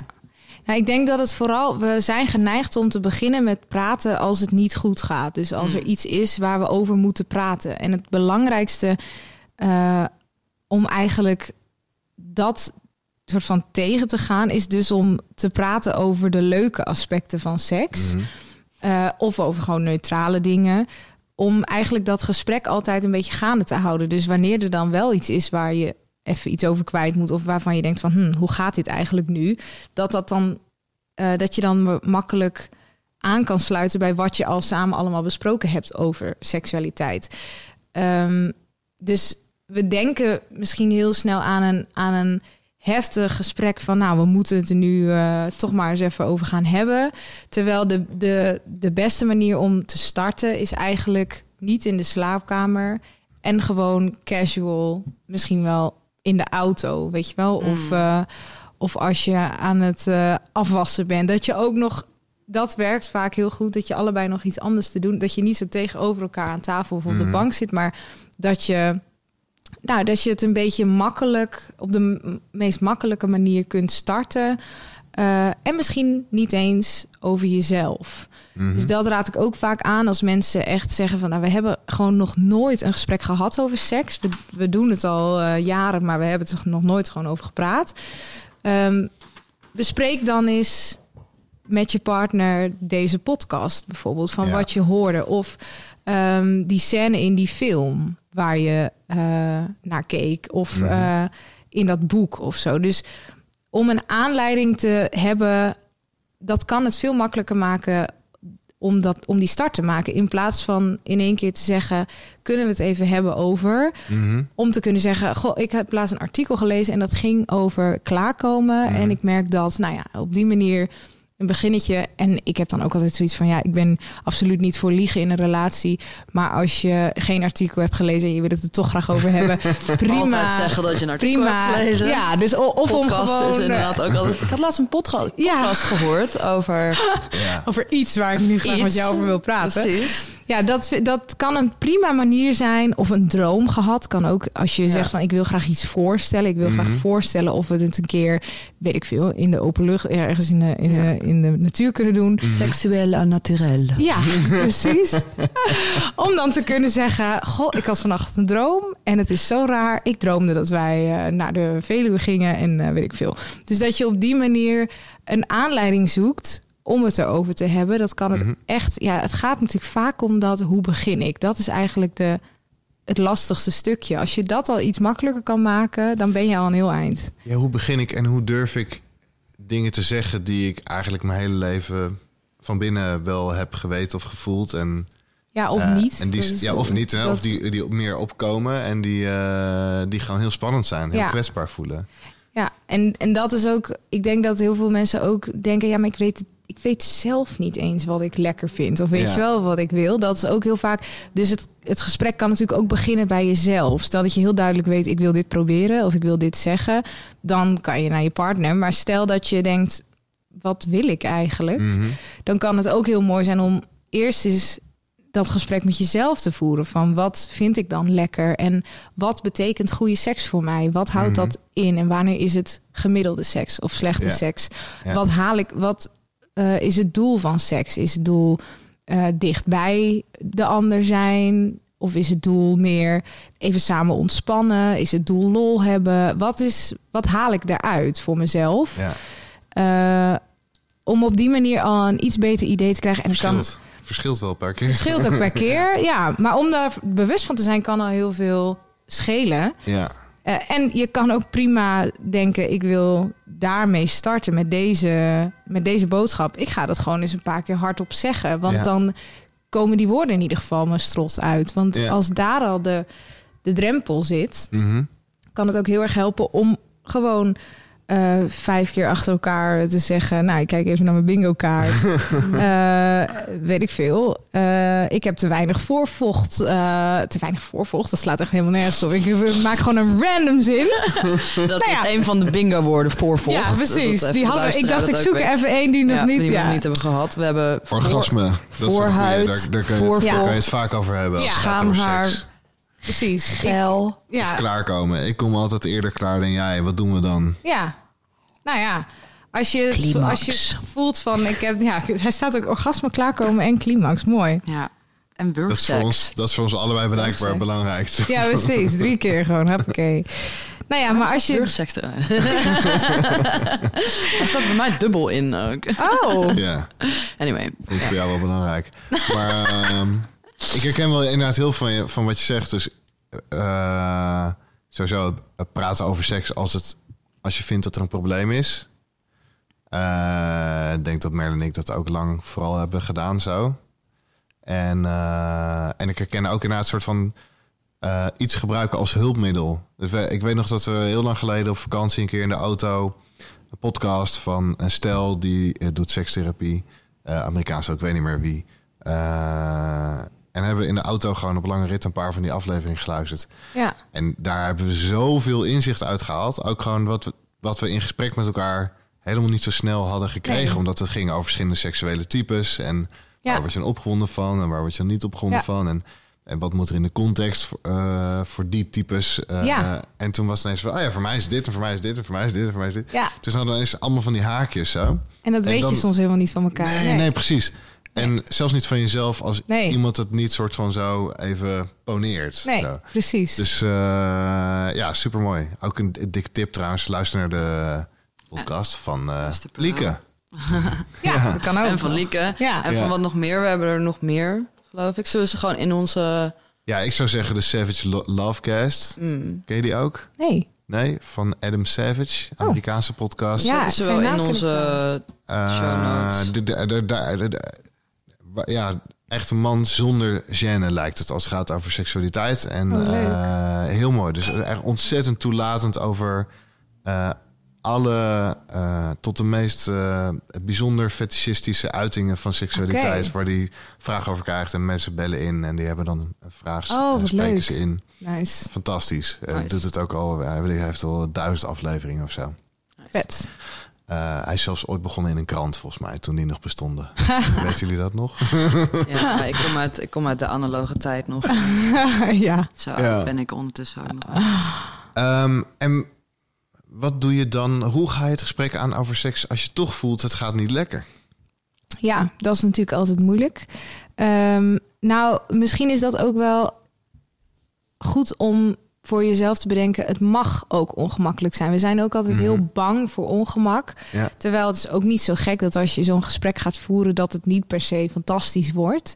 Dus het kan ook heel erg helpen om te denken: ja, die ongemak, Dat gaat er dat ongemak zijn. hoort er gewoon een beetje bij. Dat gaat er gewoon zijn. En dat mag je ook gewoon zeggen. Van, hé, hey, ik Ja. vind het best wel ongemakkelijk om het hierover te hebben. Ja, Maar dat is zeg maar, ik denk dat dat een beetje de, de truc is vaak van communicatie. Is dat we vaak denken van, oh, er moeten allemaal hele moeilijke dingen en zo gewoon zeggen. Nee, ik voel me ongemakkelijk hierover. ja, ja. Gewoon Ja, en dat zeggen kan wat er ook- aan de hand is. Ja, en daarmee stel je je eigenlijk meteen een soort kwetsbaar op. Eh, dus stel je, je, nou even een heel extreem voorbeeld. Je hebt zeven jaar lang alleen maar gefaked. En je wil Ja. dan toch eens daar Mm. verandering in brengen met Ja. je partner. Dat kan natuurlijk heel pijnlijk worden. Want je gaat ook eigenlijk zeggen, ik heb zeven jaar tegen je Gelogen. gelogen. Maar je voelt ook heel duidelijk van ik wil, ik wil dit anders. Want ik wil meer genieten van seks. En ik weet wel dat ik kan klaarkomen, maar dat kan ik alleen zelf. Of ik vind dat het altijd te lang duurt. Dat is een ontzettend lastige drempel die je dan over moet. Maar het kan heel erg helpen om inderdaad dan te zeggen... ik vind het best wel ongemakkelijk en moeilijk om het hierover te hebben. Mhm. Maar ik vind het belangrijk, ik vind het waardevol... dat ik het met je kan bespreken. Omdat ik waarde hecht aan eh, ons seksleven en aan Ja. hoe dat gaat. Ja. Dus eigenlijk zeg je dan ook meteen van... ik vind dit moeilijk, maar ik hecht waarde aan ons. Waardoor je eigenlijk ook... ehm, dan, dan komt het misschien alweer wat... wat ver- verzacht je eigenlijk Ja. alweer de Dat situatie. is wel een redelijk heftig voorbeeld inderdaad. Ik zit maar even Het in is te best wel, ja, het is echt een Ik zou kutvoorbeeld, maar het wel, komt eh, voor. zou het wel pittig vinden. Ja, en maar ik, ja, het is... ja. Ja, omdat het inderdaad het element van liegen eraan vast Ja. zit, zeg maar. En- van, of iets niet verteld hebben, Ja, wat natuurlijk zo pijnlijk is. En ik is voel ook meteen zo van, het superpijn. zou mij ook heel onzeker maken. Van, oh, ik heb dat ook nooit dan ge- gemerkt. Ja, Exact. precies. Maar de, en dat gaat natuurlijk dat heel, snel al van- zo. Als je, pra- als, als je het hebt over wat gaat er niet nog, wat zou ik beter willen in ons Mm. Ja. eh, seks. Dus dat gevoel van, oh, ik schiet dan tekort. ja, precies. Ja, terwijl ik- het is zo'n lastige dynamiek, omdat het, de schuld ligt echt dan niet bij de partner. Ja. En ook echt niet alleen maar bij degene die faked. Het is Nee. gewoon een... Het is, Nee, maar ook in andere voorbeelden. Hè? Dus je, eh, je hebt wel een idee dat je het, dat je het goed wil, doen voor je partner ook. En, ehm, eh, en ja, misschien is het ook wel een leuke bruggetje naar een soort van mannelijk en vrouwelijk hierin. Ehm, dus wat is de mannelijke rol in bed? Wat is de vrouwelijke rol Ja. in bed? En ehm, ja, hoe, hoe kom je dat tegen in je praktijk? En hoe kom je de, misschien de fluiditeit daarin tegen in je praktijk? Ja, want ik denk dat we misschien even, zeg maar, dan onderscheid moeten maken. We hebben het dan gewoon over mensen met een piemel, ja, mensen zonder met mensen met een piemel en mensen met een vulva. vulva. Ja, precies. Ja. Misschien in plaats van mannelijk en vrouwelijk, Ja. omdat het toch een meer soort van metatermen zijn. Ja, Ja, ja. ja. zeker. Right on. ja. Ja.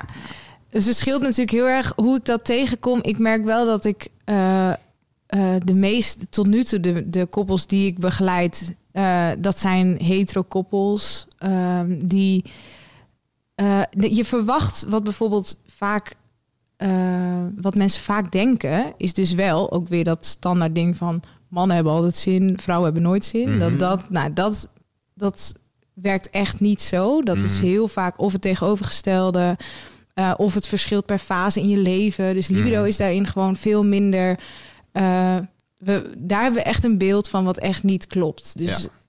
Maar Ook- dat beeld zorgt er wel voor dat ik ook het idee heb dat ik wel altijd Nou ja, zin moet hebben. Precies. Ja. Dus dat is vaak een ding voor, voor mannen of voor, of voor mensen met een, met een penis. Is dat heel vaak een ding? Eh, ik moet altijd zin hebben. Mijn libido moet het hoogste zijn. Maar bijvoorbeeld ook, ik moet alles snappen van seks. Ik moet het allemaal weten. Dus daar, daarin is het vaak eh, veel meer een ding van... als ik iets niet goed doe, dan heb ik het dus altijd fout gedaan. In plaats van eh, ik ga iets bijleren, is het veel vaker een, eh, de onzekerheid van, maar dan heb ik dus al die tijd iets verkeerds gedaan. Terwijl dat is het vaak helemaal niet. Het is meer dat je feedback krijgt, zo van misschien kan het af en toe anders, of misschien kan het net iets, ehm, past dit net iets meer bij je partner. Mhm. Maar dan, dat is vaak toch een soort. We geven jonge jongens toch meer het idee mee van je moet het allemaal snappen en weten en kunnen. Eh, en dan heel vaak dus ook meisjes van die moeten, die moeten eh, eh, ja, eigenlijk onderdaniger natuurlijk Ja. ook zijn. Dus de man moet het initiatief nemen. Daar Mhm. zitten heel veel eh, stereotype ideeën die echt, echt onzin zijn. En die ook Ja. heel vaak voor problemen zorgen. Dus in een latere fase of in een vaste Mhm. relatie. Omdat het dan eigenlijk helemaal niet meer klopt. Mhm. En, en dan is dat ineens heel gek. Ja. En hoe zie je de parallel tussen dan seksuele toenadering of seksuele, seksueel initiatief en eh, gewoon romantisch initiatief? Hè? Dus hoe, wie versiert wie in de kroeg bijvoorbeeld? Eh, want daar zie ik in mijn beleving dan Mhm. wel echt een verschil dat de man eerder op de vrouw afstapt. En, Ja. eh, maar dat is anders dan het, seks, dan het seksuele. Maar ik denk dat het daar ook vaak de verwachting is dat een man Ja. dat doet. Ja, Dus eh, bij vrouwen zit ook nog wel eens eh, de schaamte van geil zijn. ja, Dus eh, dat, dat het veel lastiger is vaak voor vrouwen om geil te zijn, initiatief te nemen en dan te merken dat je partner niet geil is. Ja. Dan is jouw geilheid fout. En Ah, ja. schaamte en Ja. vies, een Mm. beetje. ja. Ja, of Eh, eh, opdringerig. Dat Ja. is er ook eentje, zeg maar. Dat als, als, als vrouw moet je vooral niet om dingen vragen Ja. en zo. Dat zit er dan heel erg onder, gewoon- inderdaad. Precies, nemen wat je krijgt en niet om dingen vragen. Ja. En, Dus Ja. da- daar zit heel vaak een soort idee van. ehm, dus ook een, een, een over, negatieve overtuiging van mijn opwinding mag er alleen zijn als die van mijn partner er ook helemaal is. Wat Ja. natuurlijk nooit zo is. Ja. Als in Ja. de kans is niet heel dat als je initiatief neemt bij je partner, dat dat precies op dat moment even aanwezig is, spontaan, eh, als bij de ander. ja, Dat, precies. dat is gewoon vaak niet hoe het werkt. Dus Ja. ook als een man initiatief neemt naar een vrouw in een hetero relatie, is- dat is en, en trouwens in elke relatie, maar nu hebben we het dan heel duidelijk over die, die dynamiek door dat beeld wat we hebben. Als een man initiatief neemt, is het ook heel vaak zo dat een vrouw niet meteen er is, maar gaat Mhm. kijken, kan ik daar dan komen? Kan ik op dat punt van opwinding komen? Ehm, en wat heb ik daarvoor nodig? Dat Mhm. zou dan, en dat is eigenlijk andersom, is precies dezelfde vraag, maar daarvan verwachten we dan toch snel, er moet meteen een, een ja zijn. Mhm. En anders is mijn opwinding een beetje smerig geworden. Wat eigenlijk heel, wat eigenlijk wat, wat ontzettend jammer is, omdat dat hangt, dat maakt dus initiatief nemen heel vaak een beetje negatief of ehm, iets wat je een- niet, wat je niet wil doen. in. Ja, ja, terwijl Van beide kanten is het risico, voelt het anders. Dan. Ja. ja. ja, ik denk dat het, dat, het, eh, dat het idee is dat het voor mannen logischer is om te doen. Wat dus vaak ook heel erg tegenwerkt. Want dan krijg je een relatie waar één partner het altijd doet. Ja. En dat is sowieso funest. Want dan wordt één partner heeft kans op af- afwijzing en de ander niet. Dat is al uit balans. En Mhm. één partner heeft invloed of heeft de controle over welk moment bijvoorbeeld. Mhm. En de ander moet daar naar schikken. Mhm. Wat ook een disbalans is. Dus daarin zou ik altijd, is altijd mijn eh, advies. Breng dat zoveel mogelijk in balans. Het hoeft echt niet helemaal 50-50 te zijn. Je hoeft echt niet te turven van wanneer heb je initiatief genomen. Maar het zou op die manier in balans moeten zijn dat beide partners voelen. Wij doen hier ons best ook voor. Dus we Ja. nemen de verantwoordelijkheid over ons seksleven. Ja, Dat zit hem in die, in die initiatie eigenlijk al. ja, ja. ja, dat en ook, eh, jij bent gewild. Ja, ook dat. Ja. Ja. dat is dat hele ding weer van iets mag er zijn. Ja, Dat is wat schaamte uiteindelijk eh, zegt, is dat mag er niet zijn. ja. En onschaamte is dus dit mag er zijn. ja precies. Ja. Ja, precies. Dus je bent gewild en dat, dat zegt dus ook. Dus als jouw partner eh, helemaal geen initiatief neemt, dan, dan, dan blijft er eigenlijk een beetje schaamte over altijd. Denk ik. Mm. Omdat je niet voelt dat je partner wil. Ja, Ja, ja. Ja. Dus dan is er erg, dat is ergens iets van een. eh, ja, Ja. oké, interessant. Mooi. Ja. ja. Heb jij nog een vraag? Laat me even in mijn uh. Nou ja, ik, vind, ja ik, ik, ik bedoel, ik zou hier gewoon nog langer over door willen praten. er, zijn, er zijn heel veel van die. Er zijn superveel stigma's en dingen. En, en ik denk dat eigenlijk ook wat, wat, je, wat we net zeggen: van ja, het idee dat überhaupt zeg maar dus het gesprek over seks hebben van oh ja dus als als we het ergens over moeten hebben de we hebben zo'n uh, zo'n super uh, onbehulpzaam idee in onze maatschappij dat als je je intiem voelt bij iemand dus als je uh, dicht bij iemand voelt, dat dat dan mm -hmm. automatisch betekent dat zij, dat zij alles weten wat er in je hoofd omgaat. Ja. En dat is eigenlijk een beetje net zoals dus dat, oh, omdat we een gesprek moeten hebben over iets, betekent dat we eigenlijk niet zo close zijn als Ja. we dachten. Of oh, als ik niet hetzelfde voel als jij op dat moment, betekent dat ook dat we eigenlijk niet zo close zijn als Ja. we dachten. Ja. En dat zijn eigenlijk van die misconcepties die Ja. dit soort dingen heel moeilijk maken. Zo van het, het idee ook van dat je twee verschillende mensen bent. Dat je ook Ja. niet altijd op hetzelfde moment in je relatie dezelfde rol hebt. Dus ook zeg maar het hele idee van inderdaad initiatief nemen. Ehm, ook wie is er dus quote-unquote meer mannelijk of vrouwelijk. Dat kan ook zeg maar veranderen Ja, binnen in een relatie. Van wie bijvoorbeeld meer eh, dominant is. Of wie meer... ehm, eh, subject, ja, subjectief is, eh, Onderdanig, of onderdanig ja. is, dankjewel. Sorry, ik eh, ben pas net weer één dag terug in Nederland. Ik ben Ja. al hartstikke on- onder de indruk van hoe Ja. goed ik Nederlands praat Ja. op dit moment. Bezig. Ehm, dus dat zijn allemaal van die, van die dingen die we voor lief nemen eigenlijk. Ja. Ook omdat we vaak het niet hebben over dingen. En dat is dus ook weer dat ding van schaamte, zeg maar. Vaak schamen we ons voor dingen omdat het er gewoon niet over gehad wordt. Ja. Dus eigenlijk wat jij ook al zei van omdat ik hier veel mee bezig ben, is mijn, vol, ja, mijn, mijn ervaring van schaamte is anders. ja, absoluut. Ehm, ja. En ik denk dat dat gewoon ook heel belangrijk is voor mensen om te realiseren, is dat je je minder schaamt over dingen als je er gewoon meer mee bezig bent. Ja. Zeker, dat is echt een, een, eh, ja, een drempel waar je even overheen moet. Maar hoe, hoe meer je.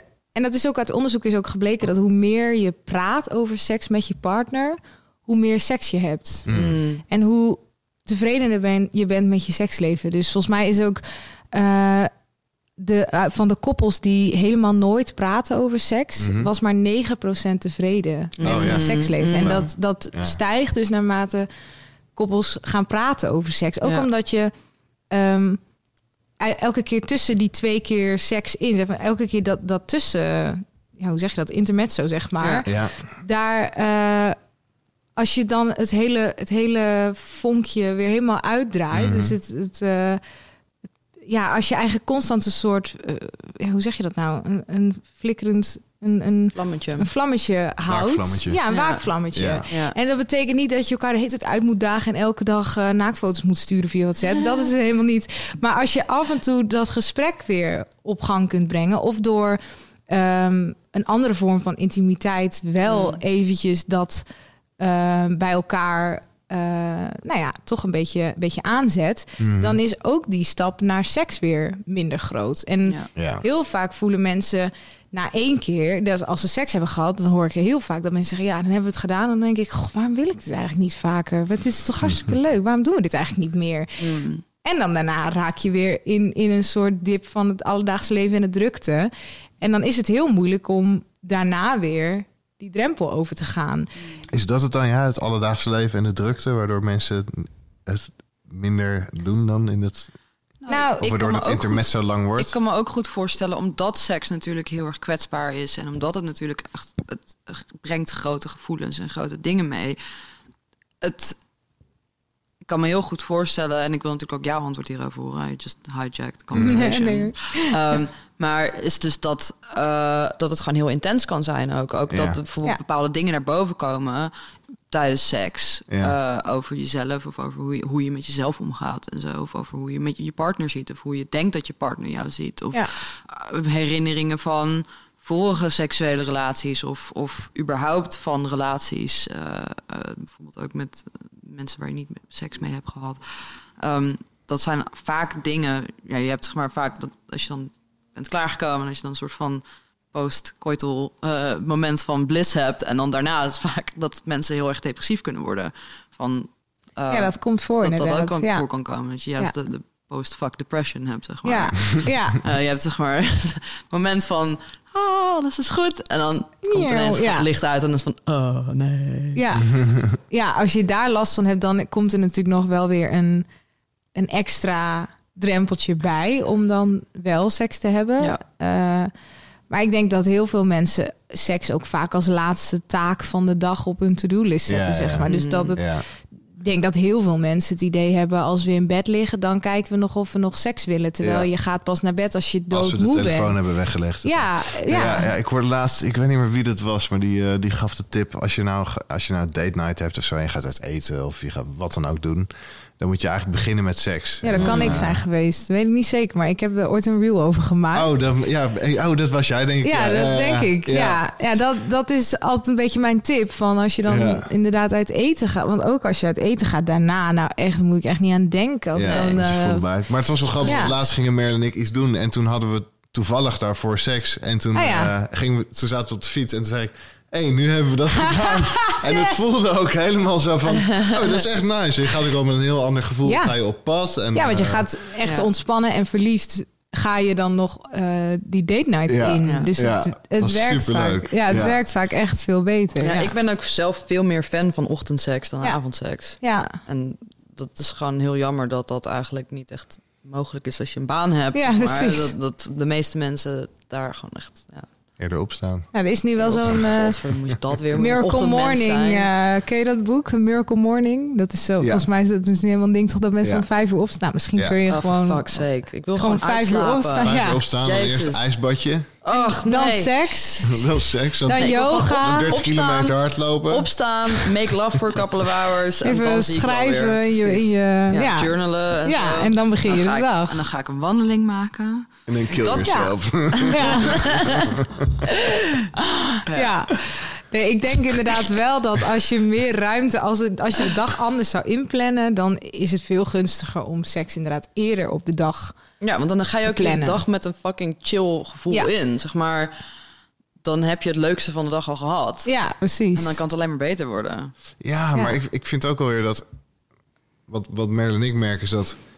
Als je niks doet aan eh, denken over hoe laat gaan we naar bed... dan ga je gewoon naar bed als je helemaal kapot bent. Dat, en, ja. en, en moe en alles. Maar eh, op, eh, deze afgelopen winter waren we op, op, op reis. En dan merk je gewoon dat je...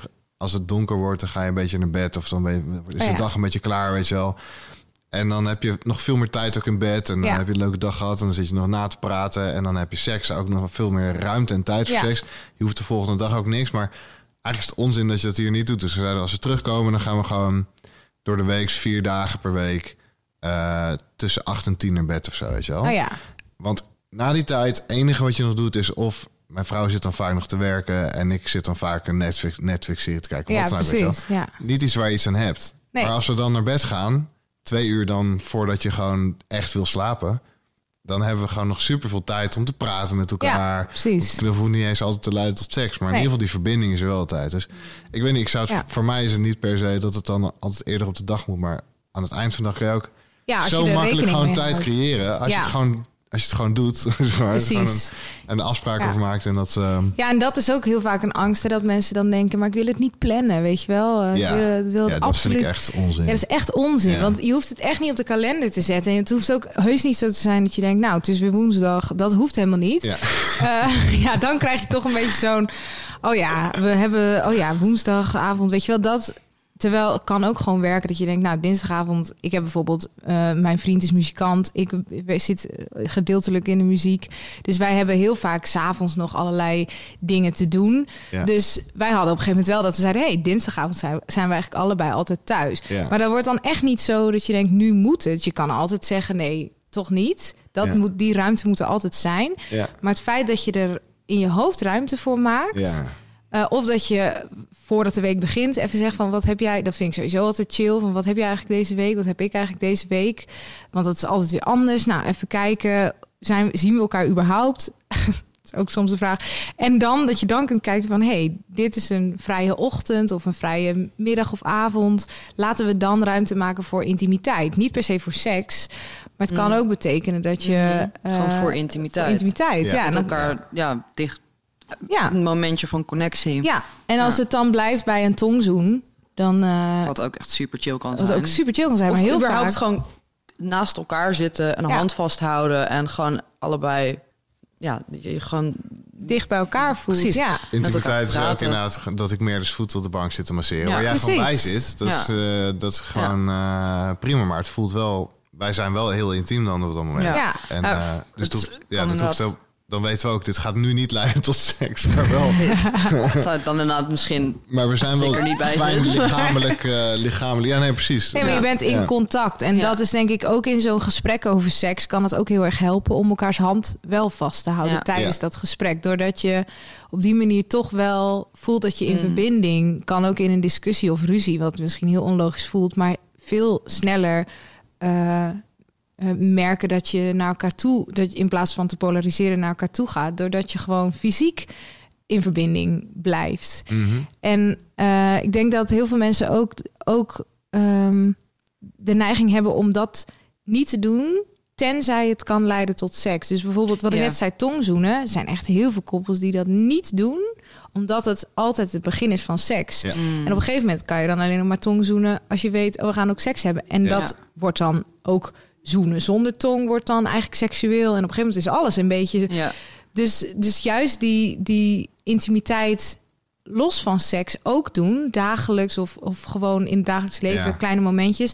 Dat kan al zoveel helpen om. Ik vind, ik vind misschien wel een fijn motto voor mezelf. De mogelijkheid tot seks is er altijd. Maar de mogelijkheid om nee te zeggen waar je ook bent is er ook Ja. altijd. Ja. Zeg maar. Zeg, Ja. ah, nu even, dit was voor Ja. jullie fijn. Of Ja, je kan altijd stoppen. En ja. dat is ook super belangrijk om in een relatie op een goede manier te kunnen doen. Dus om Ja. elkaar ook liefdevol af te kunnen wijzen. Niet Ja. elkaar daarin weg te duwen, maar want Ja, en te weten wat de geschiedenis van je partner is. Mm. Een partner met seksueel eh misbruik. Ja, dan wordt het echt heel anders, echt, ja. eh, ja. zeker. maar zeg maar, en dat is zo vaak weer dat ding, zo van dat we denken van oh, het moet heel moeilijk of zo. Terwijl uiteindelijk is het helemaal niet zo moeilijk als je met, met je partner aan het tongzoenen bent en je bent bang dat het naar seks gaat leiden, want je hebt eigenlijk niet zoveel zin erin, maar je wil wel graag blijven. Dan zeg je gewoon van hey, ik vind het super fijn wat we nu aan het doen Ja. zijn en ik zou het super fijn vinden als het gewoon hierbij kunnen laten, Ja. want ik heb hier heel veel zin in. Precies. Niet zoveel zin in Ja. seks, maar Ja. dit, is, dit is genoeg voor mij nu op dit moment. Ja, en ook de angst om de ander op te winden. Dat is helemaal, het is helemaal prima Ja, als de ach, ander er wel Ja. is. Opge- opwinding ebt gewoon weer weg als er niks mee gedaan wordt. De, de Eh, blauwe Ja, voor ballen zijn Ja. een soort van mythe die echt, echt de grond ingestampt moet Voor worden. mijn gevoel Ja. bouwt het ook gewoon op, weet je wel. Als je dat gewoon, eh, als je dat met elkaar gewoon toestaat, dat je gewoon geil kan zijn Ja. en dat je niet seks hoeft te hebben Ja. en dat je dan weer bij elkaar weggaat. En Ja. Ik weet niet, die, dat, ja, dat, ik, voor mij Dat bouw je dan ook iets echt. Dat is ook de spanning, ja, precies. Ja, Ja. en we mogen daar denk ik gewoon in zeker in lange vaste relaties meer ruimte geven aan eh, intimiteit los van seks. Dus dat je daar meer op focust. Dus ook als je voor de mensen die dit luisteren, die denken, ja, we struggelen heel erg met, met seks of er is te weinig seks, focus dan niet per se op meer seks, maar op meer intimiteit. Intimiteit, ja. Zullen we eens eh, alle drie, eh, drie voorbeeldjes geven uit ons, lijf, eh, uit ons leven hoe we dat hebben gedaan in onze relaties? Meer intimiteit Ja, creëren. ja. Ja? Ja, kom op. Ja, Wil jij Nou, beginnen? ik, ik, dus wat ik tegenwoordig doe is, is eh Mer en ik hebben een uh, avondritueel altijd één aflevering Masterchef Australia kijken. Ja, nice. En eh, dan masseer ik haar voeten. Mm. En dat is super fijn, want dan gaat, dan gaat het ook wel eens met van haar voeten, gaat ook wel eens naar haar kuit. En weet je wel, soms komt het wel eens wat hoger. Het leidt eigenlijk nooit tot seks op dat moment, maar wel soms tot opwinding. Die vind ik super fijn. Eh, we hebben hele lange tijd iedere dag ochtendwandelingen gedaan.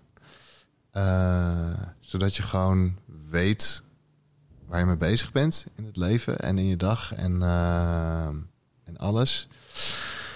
Ehm, even kijken, wat is een derde? Oh, doen we de drie? Ja, ik had, ik had het net bedacht, Oh, je had maar ja. je mag ook, hoor. gewoon, ja, mag ook gewoon doen wat als je even niet op iets kan komen. Je mag, we kunnen terugkomen op. Ja. Nee, ik er weet ook niet of ik er per se drie kan Nee. verzinnen, Nee. maar Nee, nee. als we er drie hebben. Oh, ik, ja, gewoon wat ik net eigenlijk kon doen. Dus die, dat idee van laten we gewoon Naar eerder bed. naar bed Ja. gaan. Ja. Ja. Ja. ja. ja. Nice. Ja, voor ons is dat denk ik. eh, ehm, wij, wij zijn wel eens geneigd. Wij geven elkaar sowieso altijd een kus als we weggaan of terugkomen thuis. Dus ook naar de supermarkt of naar de vuilnisbak. Eh, eigenlijk. Het komt echt weinig voor dat dat niet gebeurt. Ja. Dat is echt een soort ding.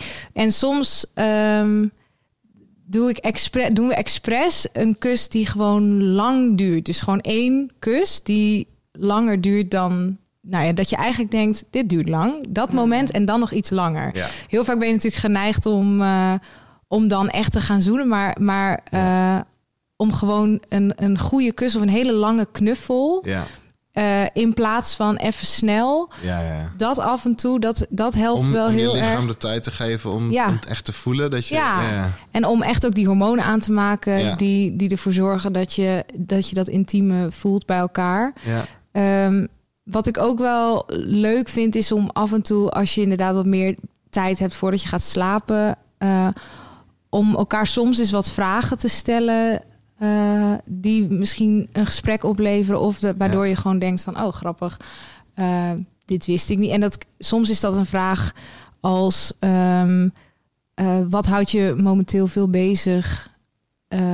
En kan ik je daarbij helpen? Omdat ik soms Ik heb bijvoorbeeld een vriend die, die in principe alles alleen kan. En die ook heel erg alles in zijn hoofd doet. En die niet zo snel stress heeft. Mhm. Dus als ik niet oppas, dan denk ik gewoon wekenlang gaat allemaal helemaal super. Terwijl als ik soms dat soort gesprekken, dat soort vragen stel, dan denk ik, oh, dat speelt dus eigenlijk meer dan ik dacht. Terwijl in het dagelijks leven merk ik dat bij hem niet, omdat hij het wel benoemt. En dan zegt hij, ja, dat is iets met mijn werk, maar goed, eh hè, zus en zo.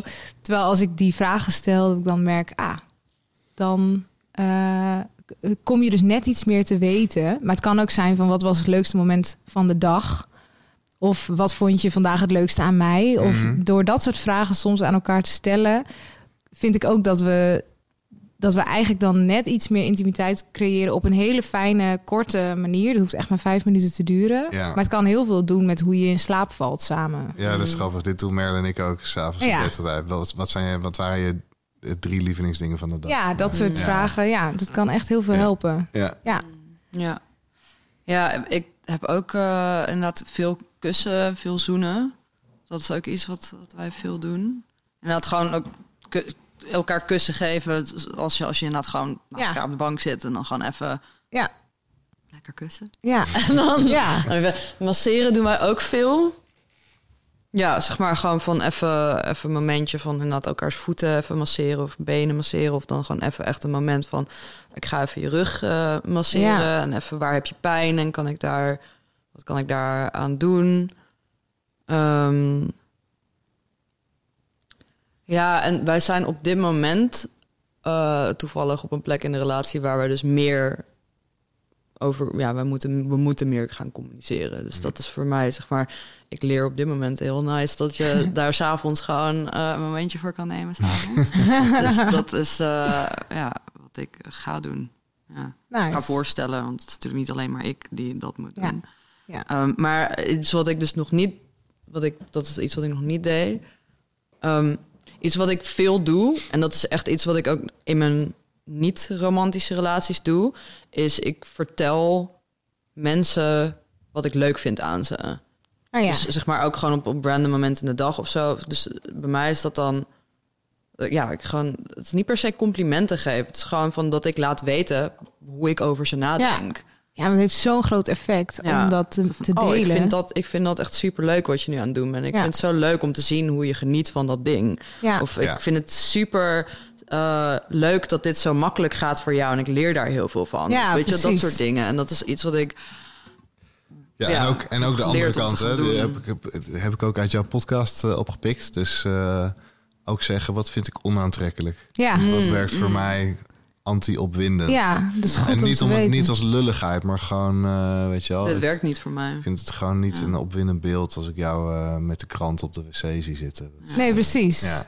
Dat, kan, dat zijn maar kleine dingetjes die wel heel erg kunnen helpen om eh, zo min mogelijk eh, op de rem te gaan. Ja, En zoveel mogelijk gas te geven. En ik denk dat daarin werkt iedereen natuurlijk ook anders. Ook met die, die love languages hoor je dat natuurlijk ook vaak. Dat voor de een, wat voor mij bijvoorbeeld heel goed werkt en wat ik heel lang niet echt door had, is dat ik het, ik vind het super fijn als er in het openbaar, dus als we met familie zijn, als er dan fysiek contact is, dus dan een hand Ja. op mijn knie, Ja. of, eh, of als ik dan ehm, mijn vriend heel erg leuk vind, dat ik dan dat later nog zeg. Van, in dat gesprek vond ik het zo leuk hoe je dat deed met Mm. mijn, hoe je dat daarover sprak met mijn broer. Of dat, Ja.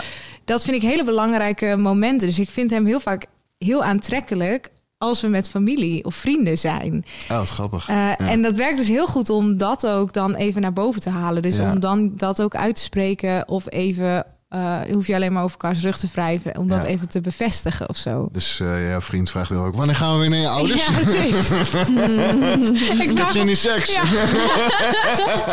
ik vraag me zelfs af of hij dat zelf wel weet. Nu ik dit zit te vertellen, denk ik, ja, weet ik eigenlijk helemaal niet. Maar ik merk het gewoon altijd dat ik dan dat ik dat een heel belangrijk moment vind om, eh, ja, om, om dat van elkaar te merken. Van hé, hey, ik vind jou leuk of andersom. Of we zijn hier fijn samen met jouw mensen of met zijn mensen of met mijn mensen. Ja. Dus dat je dat van elkaar ziet, of dat je elkaar dan nog ziet. Ja. In plaats van elkaar dan helemaal. Het is ook fijn hoor, dat je dan gewoon je eigen gang gaat in een groep. Maar dat je af en toe laat merken van wij zijn, wij zijn een, een teampje, wij zijn samen. Dat, daar heb ik, dat doet bij mij heel veel. Terwijl andere mensen denken, oké, het boeit me helemaal Mm. niks. Dus daar, Mhm. dat verschilt natuurlijk heel erg per persoon. Ja. Ja. Oké, ehm, zullen we langzaam, eh, langzaamaan afronden? Ja. Ik eh, besef me dat ik in de intro heb gezegd... eh, dit is Uit je Schulp, de podcast. Verder hebben we de woorden Uit je Schulp niet laten vallen... deze hele aflevering. Doen we sowieso Maar, bijna nooit. Nou ja, soms wel in een soort van hele letterlijke vraag. Ja, van hoe, hoe ben je uit je, dat- schulp, dat hoe ben je uit je seksuele wel- schulp gekomen? Dat kunnen we misschien wel gewoon ook proberen. Ja, we hebben, ja, we hebben, we hebben. We hebben, het wel heel veel. Nee, hoeft Ja. helemaal niet. Maar ik wil nog wel een paar dingen aanstippen. Wat ik ook wel merk, denk ik, is dat ik eh, tijdens de aflevering een paar keer ook voelde van, oeh, oh ja, nu, nu, nu voel ik een, een muurtje of zo, waar ik nog niet doorheen ga. Toch een Sienne muurtje. En, eh, en er zijn zeker ook nog wel een aantal onderwerpen waar we, waar we echt nog niet zijn geweest, die ook allemaal super interessant zijn. Mm. Eh, Ja. Waar we zeker nog anderhalf uur mee kunnen vullen. Ja, Ze komt gewoon nog een keer terug. Ja, het lijkt mij, lijkt mij super gaaf. Gaan we En, nog een keer bingo eh, spelen. ja precies. Ja, nog een Ik heb nogal wat woorden voor jullie. Ja, precies. En ehm, eh, ja, ik vind, ik vind het super leuk, dit gesprek. En ehm eh, zullen we nog een afsluitervraag eh, erin gooien? Ja, Wil jij die doen? ik ga even nadenken. Ehm, ik, ik moet even nadenken. Ja, ja. Hou er even bezig. Dan, Ja. dan ga ik even nadenken. Ehm, Ehm, ik, nou ja, ik, ja, misschien is gewoon heel, heel, eh, heel, laten we gewoon even heel kort door de bocht. Als jij men, onze luisteraars, die allemaal luisteren omdat ze graag uit hun schulp willen komen, eh, of er iets- een beetje terug erin. of willen. ja, precies. Maar als jij onze luisteraars eh, advies kan geven of één ding kan vertellen. eh, waarmee ze dus nu op pad kunnen gaan om uit hun schulp te komen als het gaat Oeh. rondom seksualiteit en dus dit gesprek, intimiteit eigenlijk, schaamte. Ehm, wat zou je ze dan willen meegeven? Ehm, ja, als we het dan. Ja, misschien wel. eh, het belangrijkste is, is, is dan misschien als eerste stap om te beseffen dat, dat jouw genot. eh, dat, je dat, dat je dat prioriteit mag geven. En dat daar sommige dingen waarschijnlijk voor in de weg zitten nog. Dus dat die seksuele schaamte daar misschien een beetje de boel saboteert. Maar dat het wel mogelijk is om, eh, ja, om, om jezelf daarvan te bevrijden of om dat los te laten, waardoor je en nog veel meer gaat genieten. Ehm, eh, en ja, En dat je het ook verdient. dat je dat verdient inderdaad om te genieten. Dus dat je dat mag vragen. Dus dat je erom mag vragen wat je wil. Ehm, en dat, dat, dat je daar dus ook niet voor hoeft te schamen. Ook niet als ze... Vaak denken mensen dit zal wel heel raar zijn. Maar Mhm. ik weet inmiddels na honderden DM's dat er echt nog nooit iets is geweest waarvan ik dacht, oeh, dit is heel raar. Dat eigenlijk Mhm. altijd, eigenlijk is het altijd normaal. Mhm. Dus de meest gestelde vraag die ik krijg is: is dat wel normaal? Of is dit hebben meer mensen dit? Ja, altijd. Er zijn Mhm. altijd meer mensen die, die dat hebben. Dus waar, waar je waarschijnlijk waar je voor schaamt, eh, is waarschijnlijk heel normaal en Ja. helemaal niet zo gek als je denkt. Dus Ja. het is eigenlijk zonde dat die seksuele schaamte je dan je seksleven dan eh, saboteert. Ja. Ja. Mooi, dankjewel. Ja. Jij hebt Ehm, een afsluitende vraag. Nee hoor, ik ben... eh, ik, ik Satisfied. ben, eh, ja, ik ben satisfied. Ja. is het? Ehm, dus we hebben, hebben het climax Nu heb je bereikt. climax. Ja. Ja, Nu komt het na, eh naspel. naspel. Ehm, vind Lieke op eh, eh, Instagram, Seksueel Liek. Eh, vind haar podcast, in ieder geval op Spotify heb ik jou gevonden. Ja, dat de klopt. Seksueel Liek podcast ook. Ja, zijn we nu mee gestopt, maar er zijn een Ja. aantal afleveringen. Super boeiende afleveringen. Leuk. Eh, website seksueliek.nl was het Ja. volgens mij gewoon. Ja, we linken alles in onze show notes. Ja, dus ehm, fijn dat jullie weer luisterden. Bedankt voor de aandacht. Lieke, super leuk dat je wilde komen. Heel leuk, graag gedaan. Ja, graag Hey, gedaan. ook leuk dat je weer wilde komen. Helemaal uit Engeland. Ja, you know it. En, eh, Jij ook bedankt dat je on- je huis altijd open stelt hiervoor. ja. ehm, Hey, en eh, we hebben nu aflevering 1 van seizoen 5. Wat zitten, we zitten echt in een soort van Oh. zieke eh, seizoenswisseling. ja, maar we hebben ook Ja, precies. een nieuw seizoen aan het opnemen. Ja, we zijn de herfst binnengekomen. Het is het eerste seizoen van dit jaar dat niet net doet alsof het een ander seizoen is. Dus heel duidelijk. Terwijl de zon keihard aan het Nee, schijnen is. zon nu. met neem het wolken terug, in neem de het lucht. terug. Dat en is- oranje bladeren hoor, Ja, heel veel. Ja. Fair enough. Fair enough. Oké, ik, laat het- ik laat hem deze keer door vingers. Dus eh, zoals Vee altijd zegt, spooky season is ja, begonnen. horny season is over. Horny Ja. season is officially over. Nee, vanaf 1 november. Dus we kunnen nog Ah, 1 één... november, één, eh, Eén dag ja, precies, maar als je dag- wil is het altijd horny season. Ja, dat is waar. Als je het goed doet, is het altijd horny season. Precies, ja. Dank jullie wel en eh, heel graag tot de volgende keer weer. Yes, tot Fijne dag. dankjewel.